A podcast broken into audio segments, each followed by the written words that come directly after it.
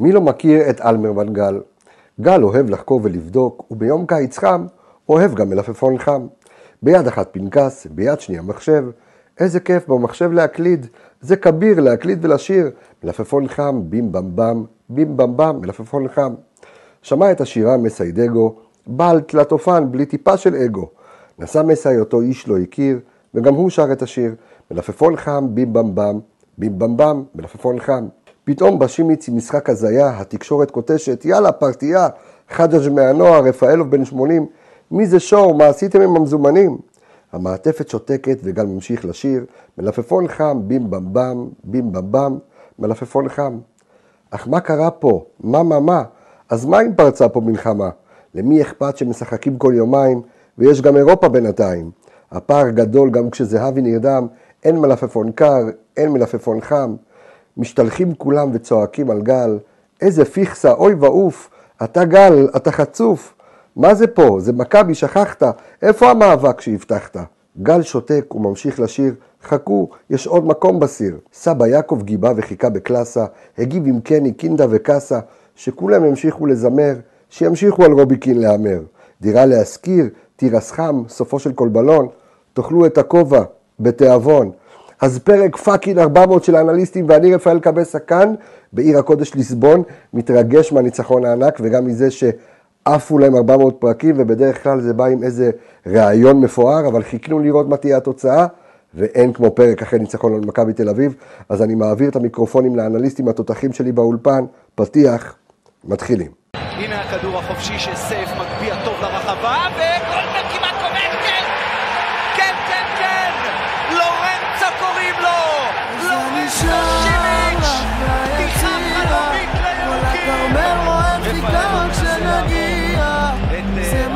אותי, לא צולח, הנה הזדמנות! שזה זה זה הירוקים זה, שוב! חוגגים פה! תחליט 2-0!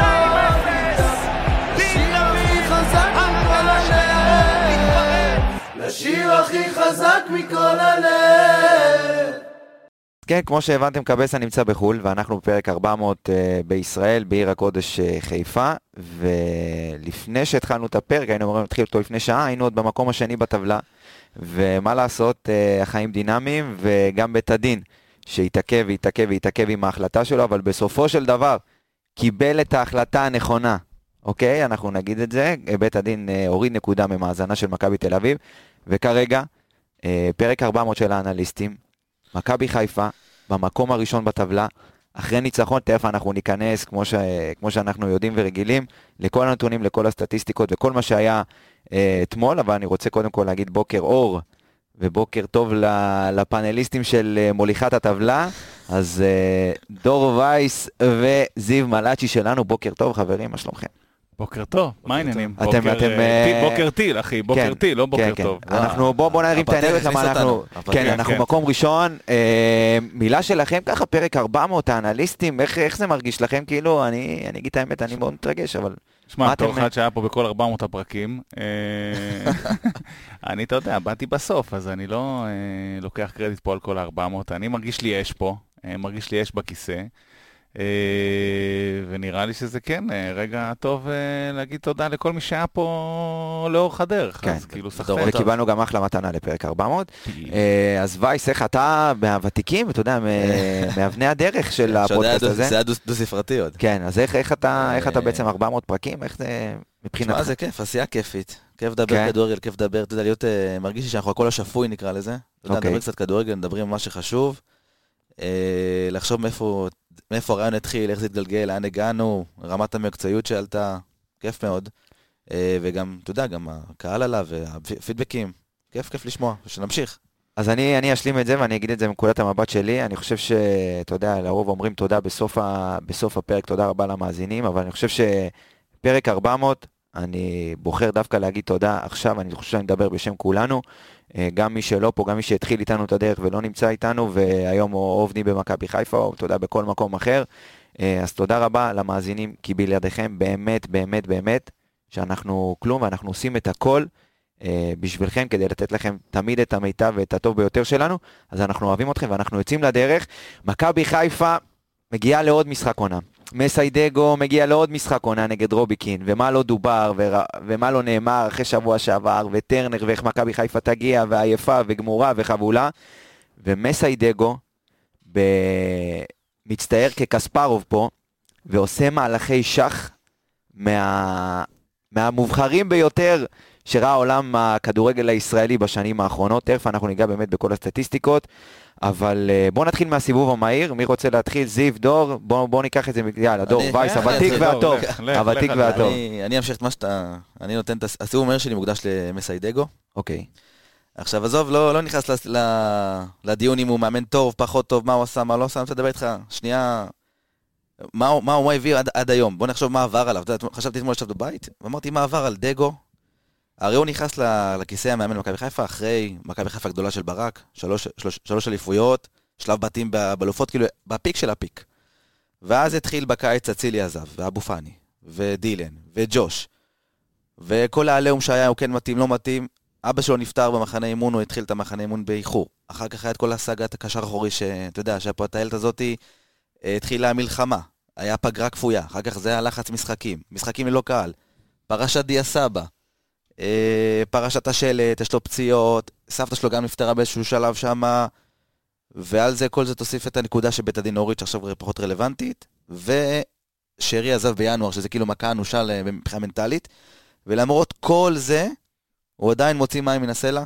אה, הוא מקום ראשון. מקום ראשון, מוציא מים. מהסלע זה נשמע כאילו understatement. לא, אני אומר, הוא, כאילו, מקום כל, ראשון. הוא מקום ראשון עם כל מה שעכשיו אמרתי, שזה דבר מטורף, שכאילו כל קבוצה אחרת נראה הייתה כבר מתפרקת, והוא פשוט, יש לו, בוא נגיד, אני, הלכתי על הסטטיסטיקה שלו ב, בישראל, יש לו 24 משחקים, יש לו בסך הכל שני הפסדים, במכבי חיפה. הוא עומד על 75% הצלחה. זה משהו מטורף, מטורף, מטורף למאמן צעיר, שלא, הדרך שלו פה לא הייתה קלת התחלה, אני חושב שצריך להגיד לו עכשיו שאפו, עזוב עכשיו מהכדורגל, אם יש תבניות, אין תבניות, אם איך, עזוב את יש. זה. אני חושב שיש, יש, ויש לא, הרבה. יש, לא, ברור, יש. אתה מדבר ברמת המאקרו. בדיוק, זה לא הדיון אם, הוא מתאים, לא מתאים. פשוט מה שהוא הביא עד היום, זה פשוט מטורף, צריך לתת לו את השאפו, וזה פשוט משהו לא נתפס לדעתי. אז אני אה, חושב ששכחת שם עוד שני דברים, כל הזרים שהביאו לו באיחור ולא בכושר. נכון. כאילו, זה כאילו, הכל כבר כאילו מחליק, אנשים שכחו כן. מה, מה קורה, אני מתחבר מאוד למה שאמרת, אבל אה, זה, הפציעות, כאילו ככה הזכרת את זה בשנייה וחצי, אבל זה... עם כל, עם כל הדברים שהזכרת, זה היה כאילו משהו מטורף. אה, רק על הפציעות אפשר לעשות פה איזה טייק של דקה, כאילו, אם לא 2-3 דקות, על כמה חוסרים יש וכמה זה. הגדולה שלו שהוא אפילו לא התלונן. אתה לא שמעת אותו. אתה, שוב, יכול להיות שזה, אתה יודע, בגלל הסיטואציה שהוא יכול להיות שזה נמצא. בחדרי חדרים גם, אני לא יודע, הוא כן התלונן, אבל כלפי חוץ, אני חושב שזה אגב נקודה חשובה מה שאמרת שהוא לא התלונן, כי אני חושב, וזה גם המשך ישיר למה שדיברתי על עניין הגישה מול מכבי תל אביב בפעם הקודמת, לא בגביע ב- בליגה, וגם אתמול, שעצם העובדה שהוא לא מתלונן ולא מספק תירוצים ולא נותן תירוצים, זה גם מתחבר באופן ישיר אז. אה, מול באר שבע, שהוא כאילו נזף בפרנזי במקום בשופט, הוא משדר לקבוצה גם את זה, אתה מבין? זה לא, זה לא מקרי, אי אפשר לנתק את הדברים האלה. שהוא לא מתלונן, זה גם לדעתי מה שהוא משדר לקבוצה. עזבו אתכם כל הבחוץ הזה. כל הפצועים, כל השם, כל הזה, כל הזה, זה אנחנו, זה שלנו, בואו ניקח את זה. וזה בעיניי אחד מהדברים הגדולים שהוא עושה. גם מה שיפה שבמסיבת עיתונאים שהוא אומר, הכל תלוי בנו, אנחנו מכבי חיפה, אז אף אחד לא לוקח את זה לקטע שחצני ולקטע שהוא מרים את האף, הוא פשוט מדבר בגובה העיניים, בהכי ענווה ובשקט שיש, והוא צודק, כי בסוף מכבי חיפה תלויה בעצמה, וכשמכבי חיפה מחליטה להכתיב את הקצב, או להוריד את הקצב, בסוף מכבי חיפה מחליטה איך המשחק יתנהל, והרבה מאוד תלוי במכבי חיפה. אז, אז, אז, אז על זה אני גם רוצה... אז קח את זה. לסיבוב המהיר שלך. לא, רגע, אני אה, עוד, עוד מילה אחת על הסיבוב המהיר שלו. תרחיב. תן לי, תן לי, עד, ש- עד שקבס עליו פה. תפנק אותי, תן לי להרחיב, תן לי... כיתה טיפולית, רבותיי, המורה המחליפה הגיעה. עוד פעם אנחנו מזכירים, אבא לא פה, אבא נסע. לפורטוגל, כן, אה, הבית לבד. אה, מה שאני, למרות שאני יותר מבוגר מקבס על דעתי, כל ה... כמה אתה? אני 44, אני שימיץ'. אז אתה יותר מבוגר מקבסה, כן, חד משמעית. אז זה סוג של, אה, זה לא, לא יודע, זה משהו פה לא מסתדר לי ברמה הכרונולוגית. בן חורג, בן חורג. כן, אוקיי. בן חורג, אוקיי, בסדר. בנישואים אחרים. כן, אה, אבל כן, כאילו דיברת הרבה על מה שהוא עושה, מה שהוא עושה, מה שהוא עושה. זה כאילו התפרש למחוץ למגרש. על המגרש, ותכף נדבר על הפעמיים מט הזה שהוא נתן ל- לרובי קין, על המגרש הוא עושה דברים פשוט מעולים, מעולים. והוא, והוא לא סתם אה, אה, מאכיל את רובי קין אה, מט פעמיים. תכף עוד פעם, תכף ניגע במה היה המשחק אתמול, אבל יש לו גם פתרונות מקצועיים ודרך מקצועית, פשוט להוריד את הכובע בפני כל אלמנט. מעולה, אז תמשיך כבר לסיבוב המהיר שלך. אני, הסיבוב המהיר שלי, הוא נוגע לרצף המשחקים. תראה, אנחנו כבר אה, אוטוטו בחוץ. זאת אומרת, אוטוטו רואים את האור בקצה המנהרה של הרצף המשוגע הזה שנורא פחדנו ממנו. הרי היה לנו משחק כל שלושה ימים במשך חודשיים, כמה זה היה? חודשיים, חודשיים וחצי, משהו כזה. למכבי חיפה, אגב, היה את הרצף הכי קשה מכל הליגה. למה? כי במהלך החודשיים וחצי האלה, לקבוצות היה שבוע חופש באמצע, לנו היה משחק השלמה מול מכבי תל אביב, צלחנו אותו בצורה נהדרת, והיה עוד שבוע חופש באמצע, לנו היה את גביע הטוטו, זאת אומרת, כל הקבוצות בליגה, בתוך הרצף המשוגע היה הזה, עוד- היה עוד משחק. למעט אגב מכבי תל אביב, לא, היה שזה גם- שזה היה גם המזל שלנו. עד נכון? שדחו את את הליגה בעוד שבוע, ואנחנו השלמנו את הפועל פתח תקווה. נכון, נכון. נכון. אז ולך בתוך- יהיה עוד שני משחקים אז עכשיו. בתוך של- הרצף, בתוך הרצף הזה, שהיה קשה לכל הקבוצות, וכל הקבוצות התלוננו עליו, וכל הקבוצות היה להם קשה, ופציעות ופציעות, מכבי חיפה עוד עם הרצף הכי קשה, ויש לה עוד שני משחקים מול גנט, שלמכבי תל אביב אין אותם, לדעתי. יהיה אותם ב- בסוף מרץ, בגלל שהם העפילו אוטומטית ל... נכ- ל- נכון, אבל אתה בתוך ה- נכון, בתוך אתה עדיין- אתה הרצף בלוף. הלופ עדיין. אתה לא, בתוך. הרצף המשוגע כן. הזה של כל שלושה ימים. אבל, אבל, א', צלחנו אותו, שני ניצחונות על אה, מכבי תל אביב, בתוך הרצף הזה, לא, לא, לא בא ברגל בכלל, אה, וב', עכשיו אנחנו כבר פתאום עוברים למשחק כל חמישה ימים. יש לנו עוד איזה רגע פה עם אה, גנט והפועל חווה ואשדוד, אבל יצאנו מזה. המשחק הקודם מהפועל באר שבע, חמישה ימים, עכשיו מול ביתר חמישה ימים. עכשיו, זה כאילו נשמע פחות, כי אתה רגיל לשחק כל שבוע, אבל חמישה ימים לעומת שלושה ימים, זה עוד אה, 66% זמן מנוחה לשחקנים. זה המון. ועוד זמן לצוות המון להתכונן. לרגליים, צוות להתכונן פתאום, להכין משחקים, להכין נייחים, דיברנו על זה שלפעמים לא תמיד זה בא בזמן כי אין, אין מספיק זמן להתאמן. יש לך פה חמישה ימים עכשיו במקום שלושה בין משחק למשחק. אפשר שנייה לנשום. וחוזרים החבר'ה מאליפות אפריקה. צלחנו את הרצף הזה בצורה, בגבורה. בגבורה. אז אני אמשיך ואני אגיד, אה, בעיניי, תכף ניכנס גם לכל הסיפור של המשחק ברמה הטקטית, אבל בעיניי סיפור המשחק זה הרצון והאנרגיות של מכבי חיפה אתמול. אה, תכף ניגע בדיוק במה מסיידגו ניסה לעשות, אבל סיפור המשחק בעיניי זה בשני מהלכים אני יכול לסכם אותם. הראשון זה של ליאור רפאלו, שחקן בן 38, שחווה באמת הכל בקריירה. אליפויות בישראל, אליפויות בחו"ל, שחקן העונה בגיל 35, הגיע לפה, אתה יודע, סוג של לסיים את הקריירה. ואתמול, הבן אדם במחצית הראשונה עולה לכדור גובה עם דור פרץ, שהוא בוא נגיד ראש וחצי מעליו לפחות, בלי... והוא גם חזק. דור כן, פרץ. והוא גם חזק, ובוא נגיד, אם אתה אומר לי עכשיו מתוך עשר כמה פעמים ליאור רפאלוב ייקח ממנו כדור בגובה, אני אגיד לך אפס.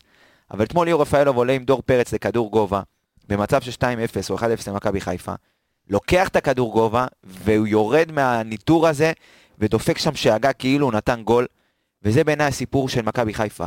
כל מאבק, כל טאקל, כל כדור ראשון, מכבי חיפה הייתה שם ורצתה את המשחק. נכון. היא רצתה את המשחק הזה, אה, ותכף ניגע בדיוק מה מסיידגו, איזה כלים הוא נתן כדי שהיא תעשה את זה, כי היה אתמול משחק מאוד מאוד מעניין- ברמה הטקטית ובגישה של מסאי, אבל זה בעיניי הסיפור של המשחק, ובנוסף הספרינט של שון גולדברג, דקה 96, לוקח את הכדור ופשוט טס שם, אה, או למרוח זמן, או פשוט, אתה יודע, רק שיגמר והשופט ישרוג. אה, אז זה בעיניי הסיפור של מכבי חיפה אתמול, ושאפו אדיר ל... קודם כל ברמת הרצון, נגענו בזה גם לפני הפרק, המוטיבציה שמסיידגו החדיר בקבוצה שבוא נגיד את האמת, אנחנו דיברנו בתחילת העונה על קבוצה שכנראה תהיה שבעה. מסיידגו הצליח להחדיר רעב בקבוצה שכבר דובר עליה שהיא תהיה שבעה ומה היא לא עברה ולקחה הכל והוא מצליח להכניס בה ולהחדיר בה מחדש את הרעב הזה ואת הרצון לקחת אליפות. אז לפני הטקטיקות ולפני הכל, זה שאפו למסיידגו על, ה... על האלמנט הזה שהוא הצליח להכניס למכבי חיפה, ועכשיו בואו ניכנס באמת חד משמעית, אגב, ציינת את ליאור, שמת לב לשאגה של אה, קני סייף לקהל שם, שמת לב לשון, כאילו, כולם, פעם אמרנו. שיש לנו ויקינג אחד, עכשיו נהיו עשרה ויקינגים, כל אחד דופק איזה גליץ' שואג לקהל, שואג לזה. אני אוהב את זה, כן, זה לא בצחוק, אני אוהב את זה. זה... א', פתאום סונגרן נראה הרגוע מבין כולם. לגמרי, ילד טוב? בירושלים. כן, נראה אחראי והרגוע מבין כולם, וכולם פה במוטיבציית שיא, וזה... אין. תשמע, חשבת על זה אתמול ב- בזמן המשחק, שאנחנו נראה לי הקבוצה היחידה שבאמת נפגעה מההגבלה של ה-15,000.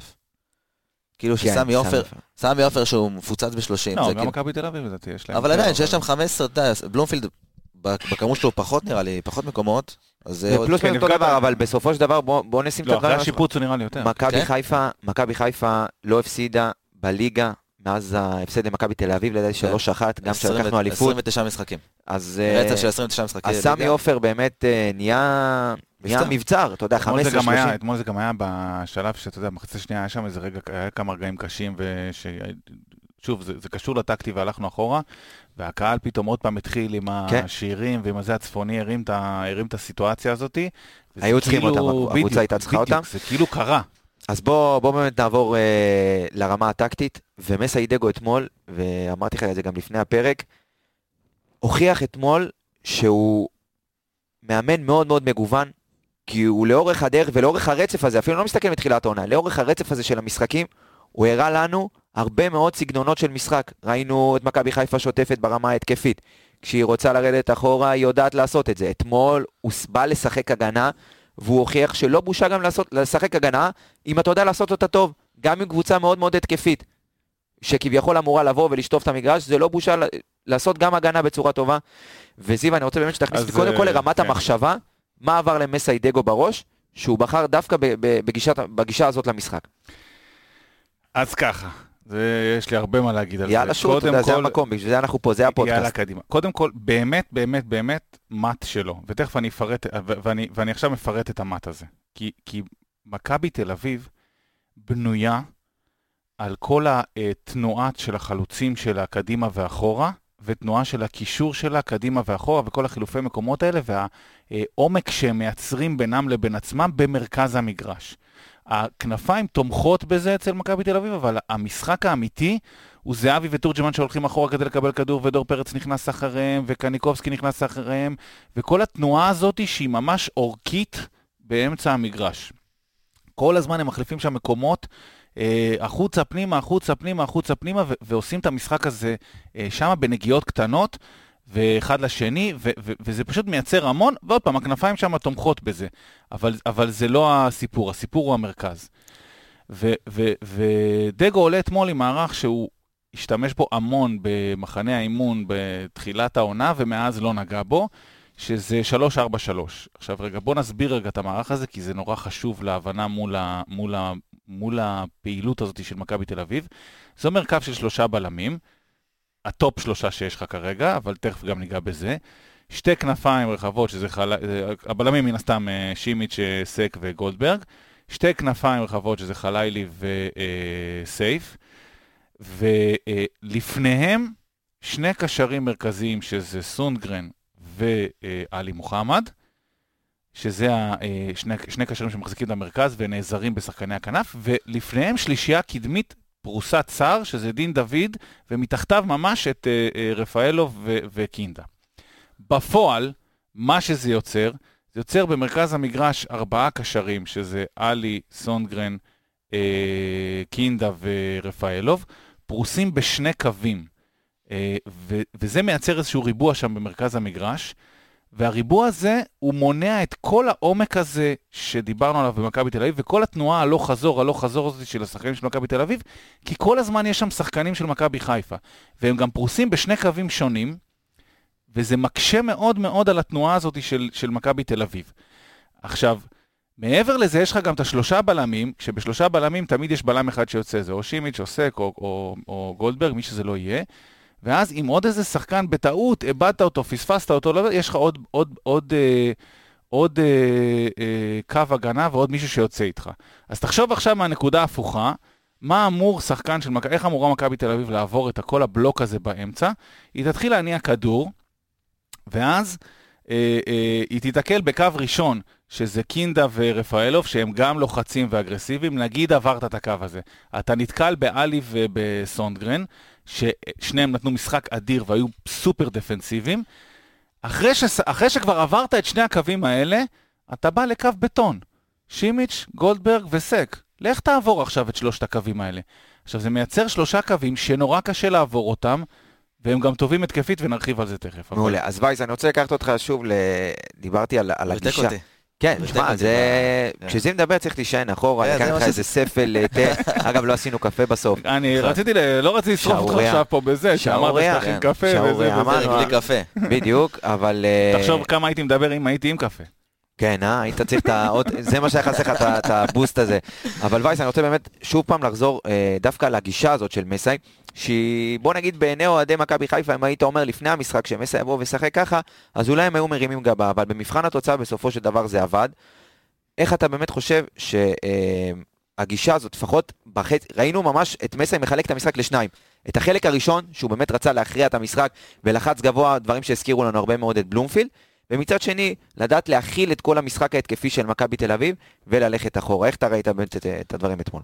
תשמע, אני, אני ראיתי את המשחק אתמול, אה, מכבי חיפה די באה לתת למכבי תל אביב לשלוט במשחק, אה, והיה צריך להגיד, זה היה הרבה מאוד מזל בסוף למכבי חיפה עם ה... כאילו, הכדורים שרקו שם ליד השער, הם...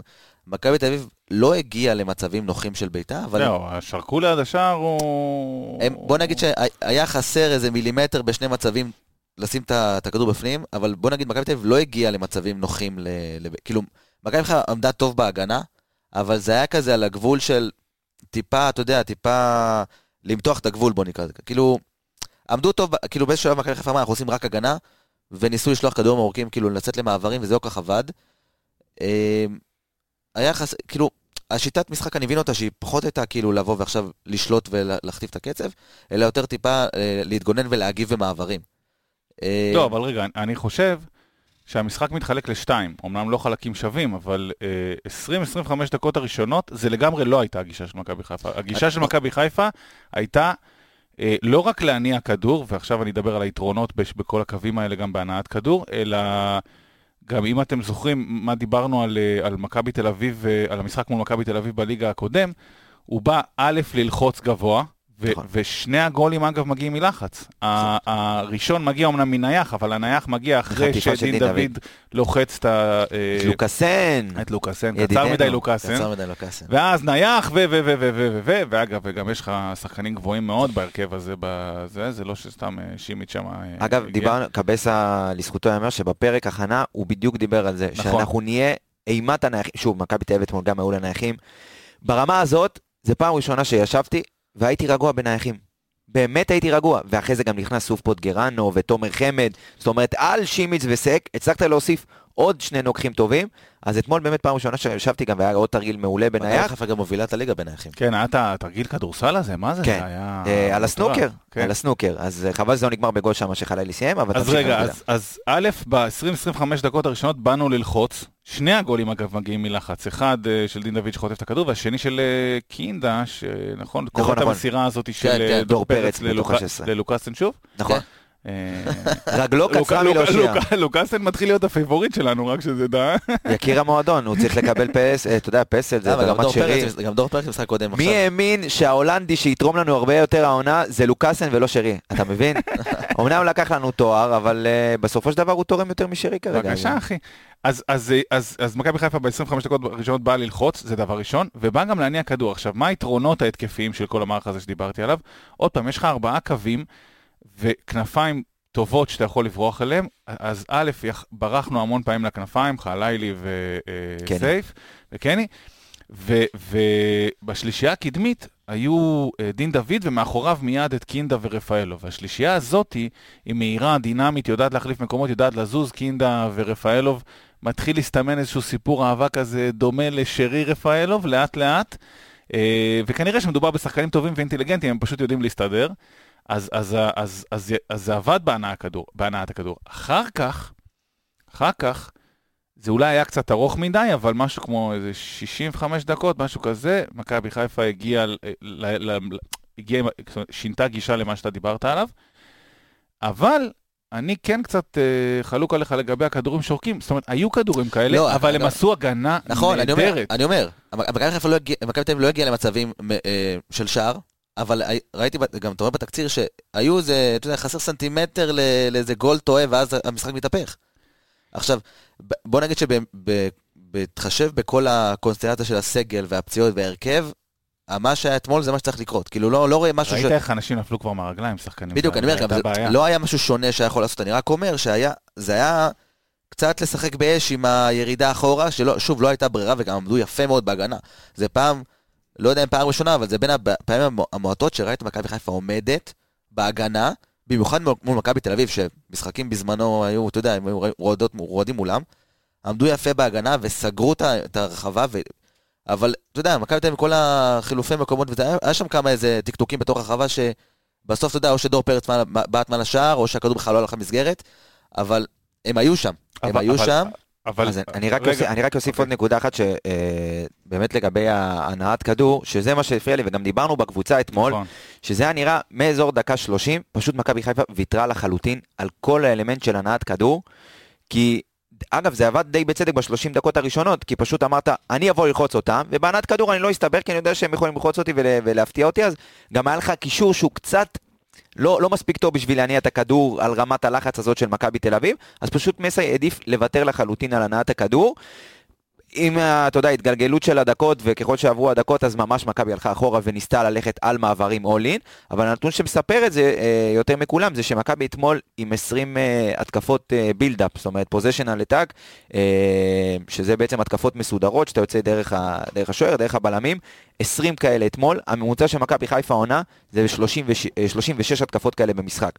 זאת אומרת, הייתה פה ממש גישה של uh, מסי דגו לבוא ולנסות לקחת את המשחק אליו, ל, לאני מאמין שלו, שהוא אמר, אני אנסה ללחוץ את מכבי תל אביב כמו שעשיתי פעם שעברה, אני ארוויח את הכדורים ואני אעשה את הגול עם השחקנים שלי, ואז פשוט אני אדע לעשות הגנה, והוא גם נתן את השלישיית בלמים, שבאמת תכף אנחנו ניכנס לרצועות, שעשתה משחק, אני לא זוכר משחק הגנה כזה של קבוצה ישראלית ברמה כזאתי, לגרום למכבי תל אביב, שדיברנו בתחילת העונה על ההתקפה שלה, לגרום לה לבעוט שבע פעמים בסך הכל במשחק בתוך הרחבה, וגם הבעיטות האלה, מתוכם שתיים למסגרת, לא היו להם מצבים נוחים. אתם לא, הוא בא בגישה של אתם לא תנצחו פה, ב, לא בקלות, אתם לא תנצחו פה בכלל. אני, גמור, אני גומר את המשחק, אני, גם אם זה אומר להסריח קצת את הדשא, אבל אני אגמור את המשחק, אני אקח אותו אליי ואני אשיג פה את השלוש נקודות. אה, אז רגע, יש, יש כן. לי עוד נתון שתומך בזה. קודם כל, זה לא רק מספר ההתקפות, אתה צודק, זה גם אחוזי השליטה בכדור, אחוזי החזקת הכדור. אנחנו עם לדעתי אחד האחוזים הנמוכים שאני זוכר, אולי היה פעם יותר נמוך, אבל 36 וחצי, שבאחוזי החזקת כדור. זה אומר, בית. ויתרת על, על המשחק, אבל... זה מוטרף.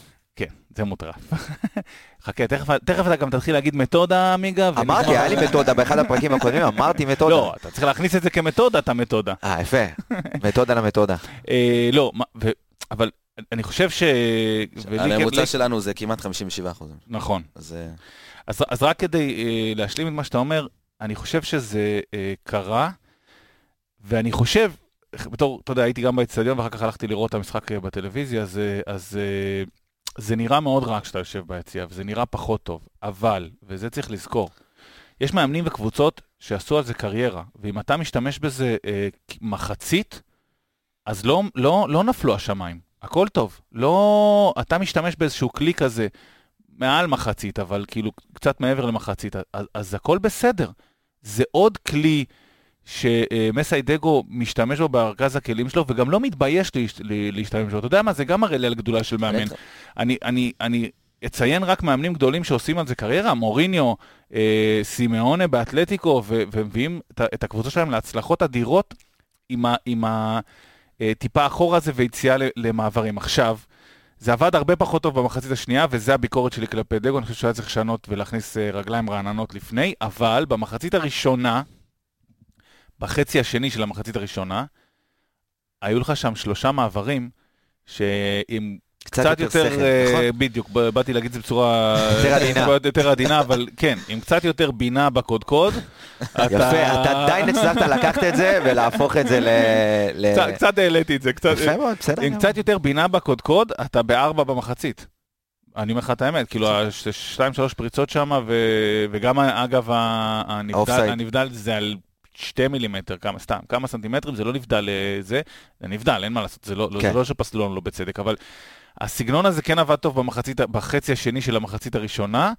במחצית השנייה אני חושב שפשוט היה אה, עייפות ברגליים מאוד גדולה, ובשביל מעברים הרבה פעמים אתה צריך את הרגליים. אתה צריך את הריצות המשוגעות האלה, וזה לא קרה, ושם הביקורת שלי קצת על דגו שהיה צריך להחליף לפני, לשנות, לרענן לפני. היו שם הרבה מאוד דיונים על הספסל, אבל... אני חייב להגיד, תוך כדי המחצית הראשונה, כן. הרבה מאוד דיונים, גם השחקנים עצמם באו ואתה יודע, ניגשו לדגו או דרך העוזרים ואמרו, אולי נניע קצת את הכדור, ודגו היה מאוד מאוד אה, אה, חד וברור בהחלטה שלו, הוא לא רצה להסתבך בחלק האחורי, אלא פשוט לריב, הוא ידע שהשחקנים שלו במוטיבציה שיא יכולים להרוויח כל כדור. ועוד משפט, אני חושב שמסכם, זה שראיינו את אה, שון גולדברג לפני, לא זוכר, בעונת האליפות שעברה, אני חושב, הוא אמר משפט, שהיום הוא מקבל משנה תוקף. וואו. בום. שמת לב? בום, משנה. תוקף.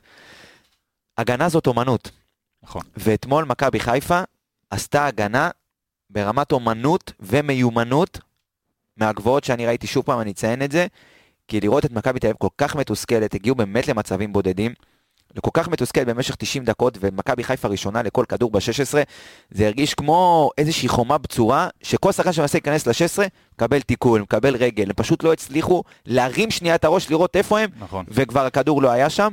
אה, ואני חושב זה ש... בגלל כל הקווי הגנה האלה, זה שוב, זה לא במקרה שעשינו הגנה טובה, זה לא במקרה.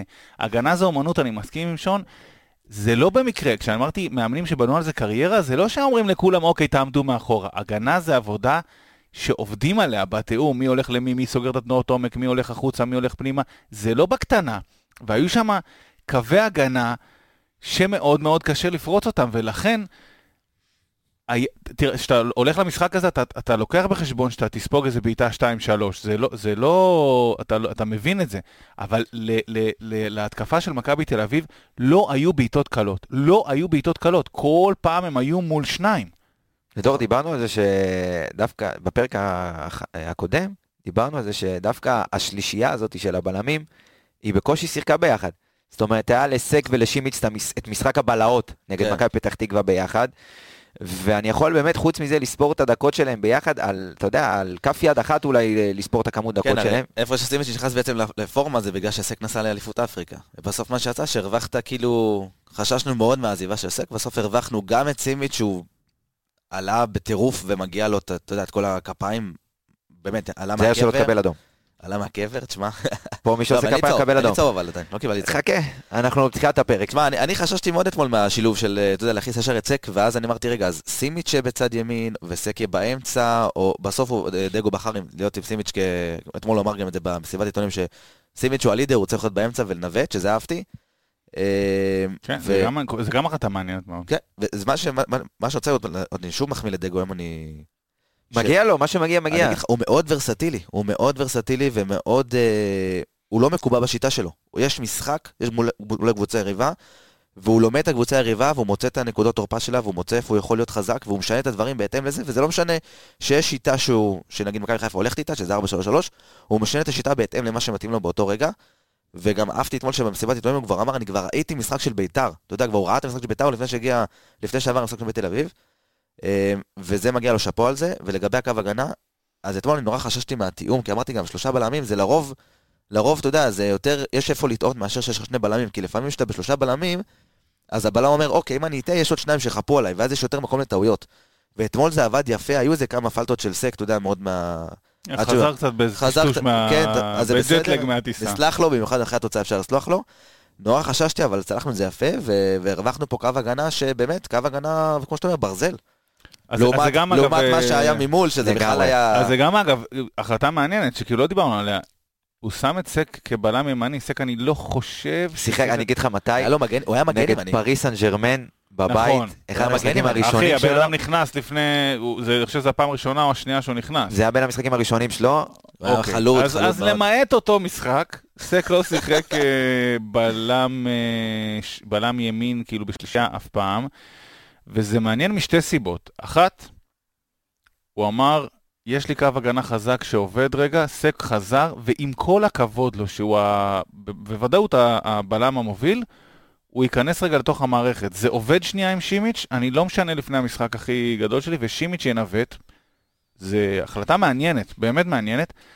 ושנית, אני גם חושב שהיא טקטית, כי בצד אה, שמאל של מכבי תל אביב, יש הרבה פעמים את אה, אה, אה. רביבו, לא, אה, זה- רביבו ותורג'מן הרבה פעמים. אתמול הוא לא היה כל כך, הוא נכון, עבר משחק עם ימינה, הוא עבר ימינה, אבל הוא משחק עם תורג'מן, ואני חושב שהוא, שזה נועד גם לסגור את זה, כי חלילי, הוא בנה עליו שהוא יעלה במתפרצות האלה, במעברים האלה אה, קדימה, והוא רצה את סק שיסגור ימינה. אז כל פרט, הוא. כאילו נועד לתפור איזה פינה. יש לנו עוד אה, דברים לגעת בהם ברמה הטקטית, אה, זה לפני שאנחנו עוברים לרצועות. יאללה, קדימה. אז אני, לפני שאני אגע ברצועות, אני רוצה להגיד משהו, כי אתמול היה לי דיון עם חבר, אתה יודע, שאלנו בינינו מי המצטיין של המשחק. עכשיו, היו שחקנים שאין מה לעשות, יש אחד בלטו, מעל כולם בענק. אני מסכים איתך.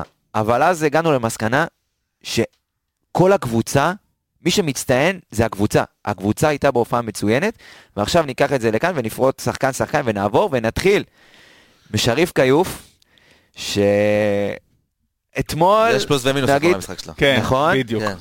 היה שם שצריך, מבחינת ההצלות, ההצלות שלו מאוד מאוד נקיות, מאוד מאוד... אה, נכון. אבל, מה קורה אחרי? נכון. ולא מספיק שמכבי חיפה לא הסתדרה אתמול בהנעת כדור, אז גם כשהיא הרוויחה את הכדור, אתה יודע, וניסה לעשות דרך שריף, זה לא כל כך עבד, ועכשיו אני רוצה שתפרטו קצת אה, על המשחק של שריף כיוף. אני אגיד לך מה, אני, אני מה. שאני אוהב בשריף, באמת, הוא, הוא, הוא נותן לי רוגע, יש לו אינסטינקטים, נו, נגיד הביתה שהוא לקח לדוידה.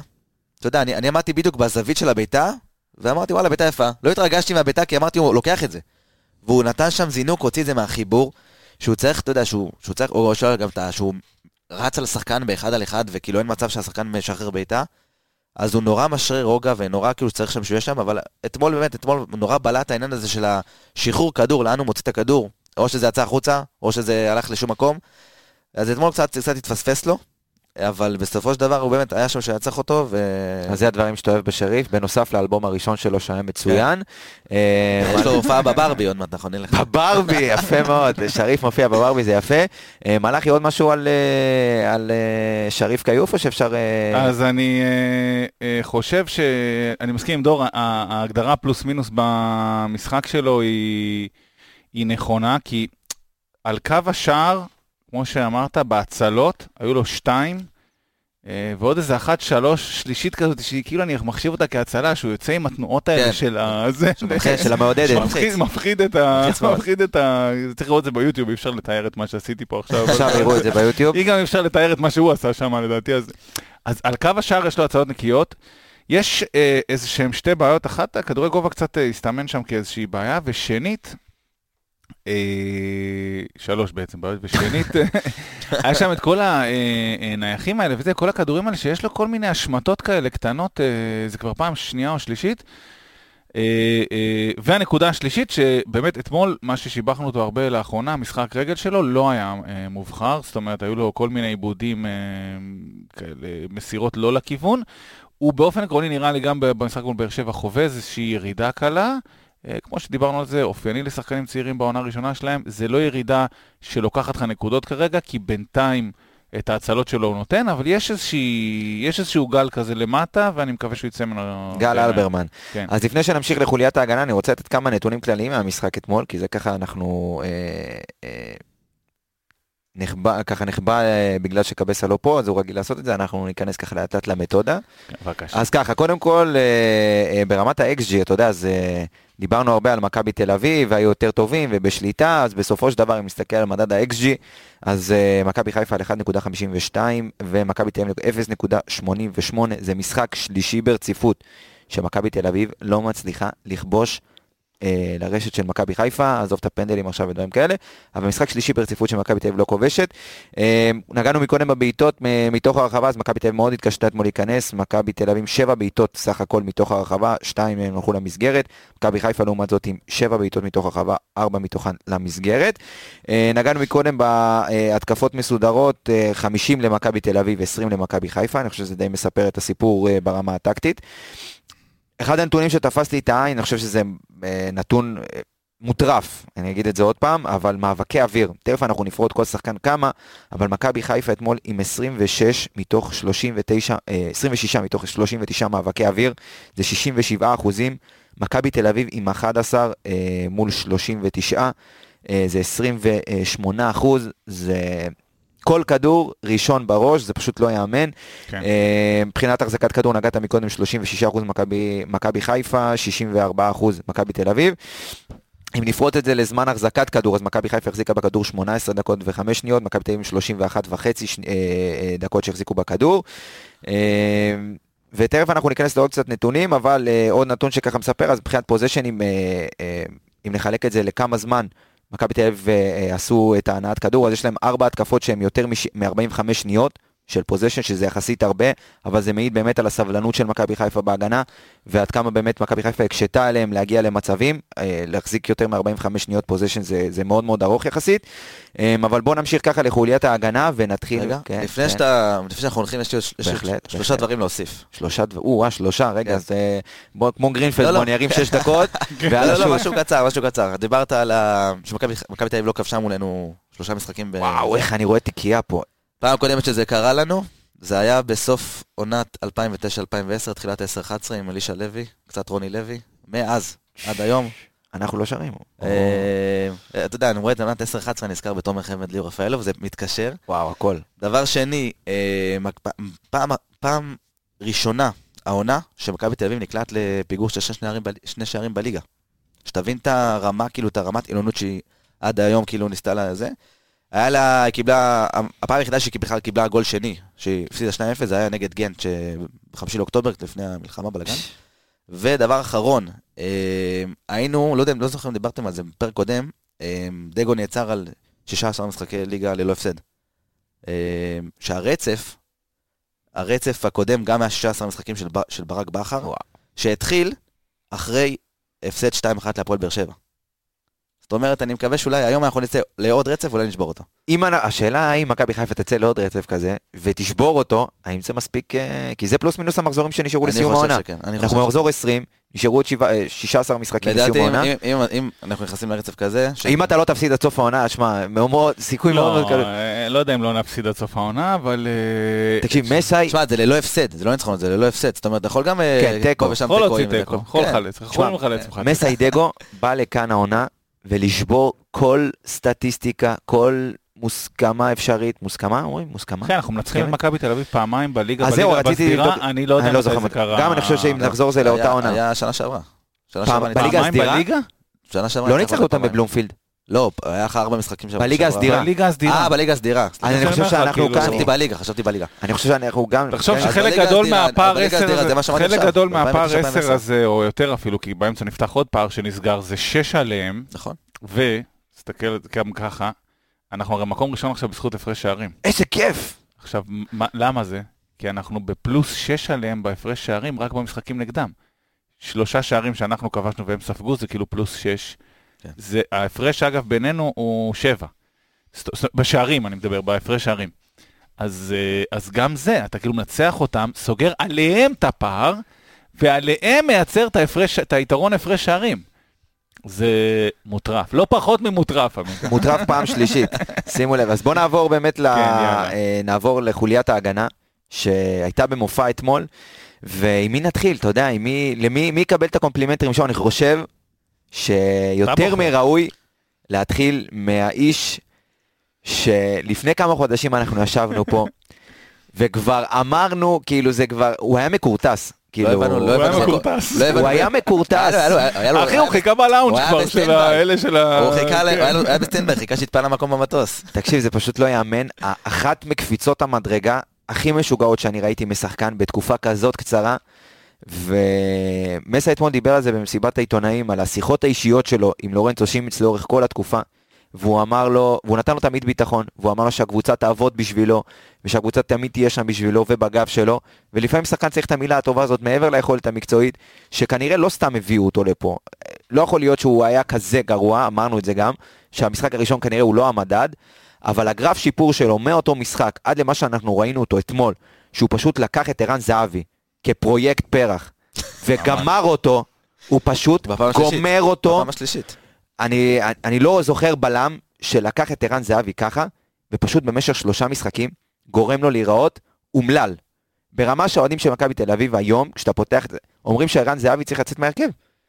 לורנצו שימיץ, האם לורנצו שימיץ יהיה אחראי להושבה של ערן זהבי על הספסל, אבל בואו נפרגן לו באמת על, היכול, על, ה, על הסטטיסטיקה והנתונים שלו ועל מה שהוא עשה אתמול, אז מלאצ'י לורנצו שימיץ. יאללה, נתונים קצת, או... בוא נתחיל עם נתונים. כן, קודם כל, בוא. 35 פעולות על המגרש, אה, זה לא בין הגבוהים, אבל עם אה, 74 אחוזי הצלחה בפעולות שלו, זה, שים לב, הכי גבוה בקבוצה. כפיים, בלי אדום. בבקשה. כפיים בלי אדום, כן. כפיים לא פיירו סטייל, כפיים... לא, אה, זה. כפיים באמת מפרגנות, לא לזה, לא אה, מזלזל. אה, אז זה דבר ראשון. דבר שני, שים לב לפסים שלו. הוא עם האקס שהכי... אה, אוקיי, אתה רוצה... שים לב לפסים שלו, זה מה שמעניין. אתה יודע מה מעניין מאוד כן. לראות את כמות הפסים שלו לעומת סק ו... סק וגולדברג עם 24 מסירות כל אחד. לורנצו... והוא עם יש שם- 11. הוא לא זה שהניע את הכדור יותר מדי, אבל זה רק מעיד על זה שרוב הפעולות שלו הן הגנתיות, והוא עשה שם סגירות, זה בדיוק מה שאתה מדבר עליו מול זהבי, הרי בדרך כלל שחקנים שיש להם הרבה פעולות, זה לפעמים מתבטא בהרבה מסירות, כי הם כאילו מניעים את הכדור. הוא עם אה, כמות פעולות דומה יחסית לחברים שלו בהגנה, אולי לא, אולי גולדברג יותר, אבל אה, רוב הפעולות שלו הן הגנתיות, זה בדיוק מבטא את מה שאמרת, את הפרויקט האישי הזה שהוא לקח את זהבי. ואיך אומרים? עשה אה, ממנו קציצות. בדיוק, אז 11 מסירות, שזה לא הרבה, אבל שים לב איפה הוא משלים אותם. אה, בעימותים, במאבקים, סליחה, הוא עם 16. וכמו שאמרתי עליו שהוא עם אה, אה, 74 אחוזי הצלחה בפעולות, שזה הכי גבוה בקבוצה, הוא במאבקים עם 88 אחוזי הצלחה, הכי גבוה בפער בקבוצה, הבא בתור אחריו עם 67. אז אני אתן רק את אתה הנתון מבין? הנגדי. כאילו הוא ב-20 אחוז אה, הצלחה מעבר במאבקים מבין הבא בתור אחריו. אז אני רק אתן זה- את ה- את הנתון הנגדי של אה, האיש שהיה מולו אתמול, ערן זהבי, עם שמונה מתוך 20 מאבקים, אפס משבע בגובה, לא יכל עליו. האיש אה, פשוט היה, אתה יודע, אומלל לגמרי. אז גובה אגב, הוא מאבקים אוויריים, 8 מ-9, 89 אחוזי הצלחה. ויירוטי כדור, דיברנו על זה, זה לא... אה, אה, אינטרספשנים. כן, אינטרספשן, הוא עם 8, שזה מקום שני בקבוצה. חילוצי כדור, 16, 16. מקום ראשון בקבוצה, בפער הבא בתור אחריו עם 11. וייס. זאת אומרת, הוא עבד הגנתית, הוא החזיק את כל המבצר הזה ועמד באמצע וגם שם גול. בטון, ו... זה- מזה רציתי כן, להתחיל, עצרת אותי באמצע, זה. ה-XG הכי גבוה, 0.58 ב-XG, זאת אומרת, יש לך פה בלם 50-50, אחי, הוא גם תוקף. וג- וגם מגן. אז אה, וייס, תן, סכם לי ככה את ההופעה של אה, של האיש. תשמע, סימיץ' גם כבש את השער המהיר ביותר אה, בין הקבוצות מאז העצמי של חזיזה, אם אתם זוכרים, מהקרן. בשלוש-שתיים, כן. כן, המהפך. אבל זה דווקא בא לטובתנו הפעם, זה בסדר? כן. תשמע, סימיץ', מה אני אגיד לך, אני... דיברנו, היה נראה לי מאוד גמלוני, לא הבנתי מה קורה, ופתאום הוא אותו תפס את זה. עכשיו, מה שאהבתי בסימיץ', שכמו שאתה אומר, הוא לא, הוא לא מסר את הכדורים, כי הוא פחות טוב בזה. פחות טוב בהנאה ופחות טוב לקחת הסיכונים, אבל בסטופים ול, ולעצור, תשמע, לעצור את ההתקפה של מכבי תל אביב, שיש לך שם גם את תורג'מן, גם את ערן זהבי, גם את אה, דור פרץ שנכנס, והוא עמד שם מאחור יפה מאוד, והשרה את הביטחון, וגם מה שאני אוהב בסימיץ', זה שבנייחים או בקרנות, הוא עומד על החמש, והוא מנקה את כל הכדורים. שריף כאילו לא כן. צריך בכלל לצאת. הוא עומד, והוא... ו... היה איזה מצב אחד בנייחים, שהוא עמד לידי, והוא יותר גדול מסק. לא נראה, כן, אבל הוא פשוט ענק. רבו- וזה- אה, רבותיי, אנחנו מדברים על תרנים פה. זה לא פשוט כיף. שאתה... כמו שאתה אומר, אתה יש נייח מולך, ואתה אומר, טוב, אני... אני אה, די זה. רגוע כזה, כן. והוא מנקה כדורים כמו שוער, וזה באמת מגיע לו שאפו, והוא, והוא עלה, ועכשיו השאלה, השאלה נשאלת, האם אתה ממשיך עם? הקו הזה, או את מי אתה מוציא עכשיו? כי נגיד. נגד אה, אשדוד, חדרה וכאלה, אתה לא צריך את כל ההגנה הזאת, אז צריך פה לחשוב נכון, מה... ו- צרות טובות, בוא נקרא לזה ככה. גרמו לנו להשקיע, אה, אתה יודע, שכחנו שעד לפני המשחק האחרון, אילי פיינגולד היה דיבור עילאי, מה שנקרא, ובסופו של דבר, שוב, אי אפשר לקחת ממנו את מה שהוא עשה, אבל אבל לנוח אבל. יש תחרות, יש כן, תחרות מדהים, בעמדה הזאת, וזה. טוב. תשמע, יש לך פה שלושה בלמים top, שהם כשירים זה פשוט לא כולם. יאמן שאנחנו מדברים על על שימיץ כבלם top, אני אני עדיין לא לא, מצליח אבל לעכל את ה... אחי, זה המצב, בוא, עם כל הכבוד, חד שהיה מה- משמעית. שהיה מה אה, לכסח, כיסחנו. ווואלה, הבן אדם כאילו, יש לך שלושה בלמים, ואגב פיינגולד, אתה יודע, חצי בלם, חצי מגן. אה, יש לך כאילו ארבעה בלמים, אה, לא דיברנו על סונגרן שיכול גם לשחק את העמדה, אגיד יש לך כאילו ארבעה, חמישה בלמים, לא דיברנו על רמי גרשון, שאתה כאילו, אם אתה מסתבר, יש לך פה כאילו עכשיו, בתיאוריה, שישה בלמים שאתה יכול לשחק איתם. אני אגיד לך גם, אם אני גם משלים... וכולם בכושר, כולם לא פצועים, אני גם לא מאמין שאני אומר את המשפט הזה, לא פצועים וכולם בכושר. על החוליה הזאת. אם כן, אתה משליך את זה. לליגה, אם אתה משליך את זה לבלמים של הליגה, ואתה יודע, אפשר גם לדבר על הבלמים שהיו מולנו, אם אתה שם את הטופ חמש בלמים הכי טובים בליגה, לדעתי, לפחות שלושה, הם... בכושר של היום, עזוב, חד משמעית. גולדברג וסק שם בוודאות מוחלטת. חושב שבכושר של היום שימיץ, הוא אתה יכול לשים אותו בטופ חמש. כאילו, בוא נגיד, אם אתה, אתמול אתה, מולנו, היו שלישיית בלמים של רז שלמה, לוקאסן ובלטסה, בלטקסה. כשאתה משווה את זה, ראש בראש, אתה רואה שיש פה יתרון מאוד מאוד מהותי גובה, יתרון גובה. גם יתרון גובה, גם יכולת, גם אה, אופי, הכל. וקבוצה שרצה לאליפות, בסוף היא צריכה את ההגנה החזקה, וזה עקב אכילס של מכבי תל אביב בסוף. כל ההגנה שלה. אז בוא נעבור באמת ל- לשחקן הבא שלנו בחוליית ההגנה, שאני מאוד מאוד אוהב לשמוע את מסי קורא לו בכינוי שלו. סקי. זה פעם ראשונה בהיסטוריה, שים לב. זה גם לוקח בן אדם כזה גדול, ומגמד אותו ל... זה גם פעם ראשונה בהיסטוריה של האנושות, שהכינוי שלך יותר ארוך מהשם, מהשם שלך. אשכרה. הוא הוסיף לו פשוט והכינוי שלו יותר ארוך מהשם שלו. סקי. כינוי חמוד כזה, נכון? כן, סקי. הוא לא כאילו- סקי. הוא לא יכול להיות סקי, הוא לא היה סקי. אין זה, זה לא יכול להיות סקי. זה סקי, זה עמלקי, זה- זה זה עמלקי. כאילו גם אחי, שאתה בא אומר למישהו בואנה אתה תפגוש בסמטה חשוכה את סק, זה מפחיד אותך. בואנה תפגוש בסמטה חשוכה את סקי, זה כאילו אחי בוא הכל טוב. כאילו, אם אני אגיד לך, בוא, יש לך מפגש עם סקי, ואז אני אגיד לך שיש מפגש עם סק, אז אה, זה שני מפגשים שונים, וסק אתמול, אה, פרט לטעות שלו, שגם לא יש לו את יש לו הבריחה את הזאת, ההחלקות האלה כל פעם, אתה יודע. יש לו בריחה כמעט. אחד למשחק. חד משמעית, אה, במקרה של שימיץ זה עלה בשלושה שערים בפתח תקווה, במזל- אה, במזל של סק אתמול זה לא נגמר בגול, אבל זה אבל- נטו מזל, כי הוא עשה... נכון, עשה פלטה רצינית. גם, גם נגד מדמון, נגד חדרה גם הוא, הוא גם יצא בפוקס, הפך לו את התוצאה, אבל... אה, נכון, אז בואו ניתן קצת את, ה, את הנתונים הסטטיסטיים אה, של אה, עבדולאי סק. אז אתמול יש לו 39 פעולות על המגרש, אה, ב-72 אחוזי הצלחה, שזה קצת. השני הכי נמוך. השני הכי נמוך. מבחינת מסירות נגענו מקודם, גם כאן אחוזים מאוד מאוד גבוהים, עם 88 מסירות. שני קרוסים אתמול, היו לו אתמול... אה, לא, שנייה רגע, 24 24 מסירות עם 88 אחוזי הצלחה. אתה אמרת 88 מסירות. אה, נכון. אה, אז אז כן, זה מבטא את זה שהוא הניע את הכדור במקום אה, שדיברנו על מי שלא עשה את זה. אתה רוצה להמשיך עם הנתונים הסטטיסטיים שלו? שאני לא, לא, רוץ, רוץ רוץ. מעולה.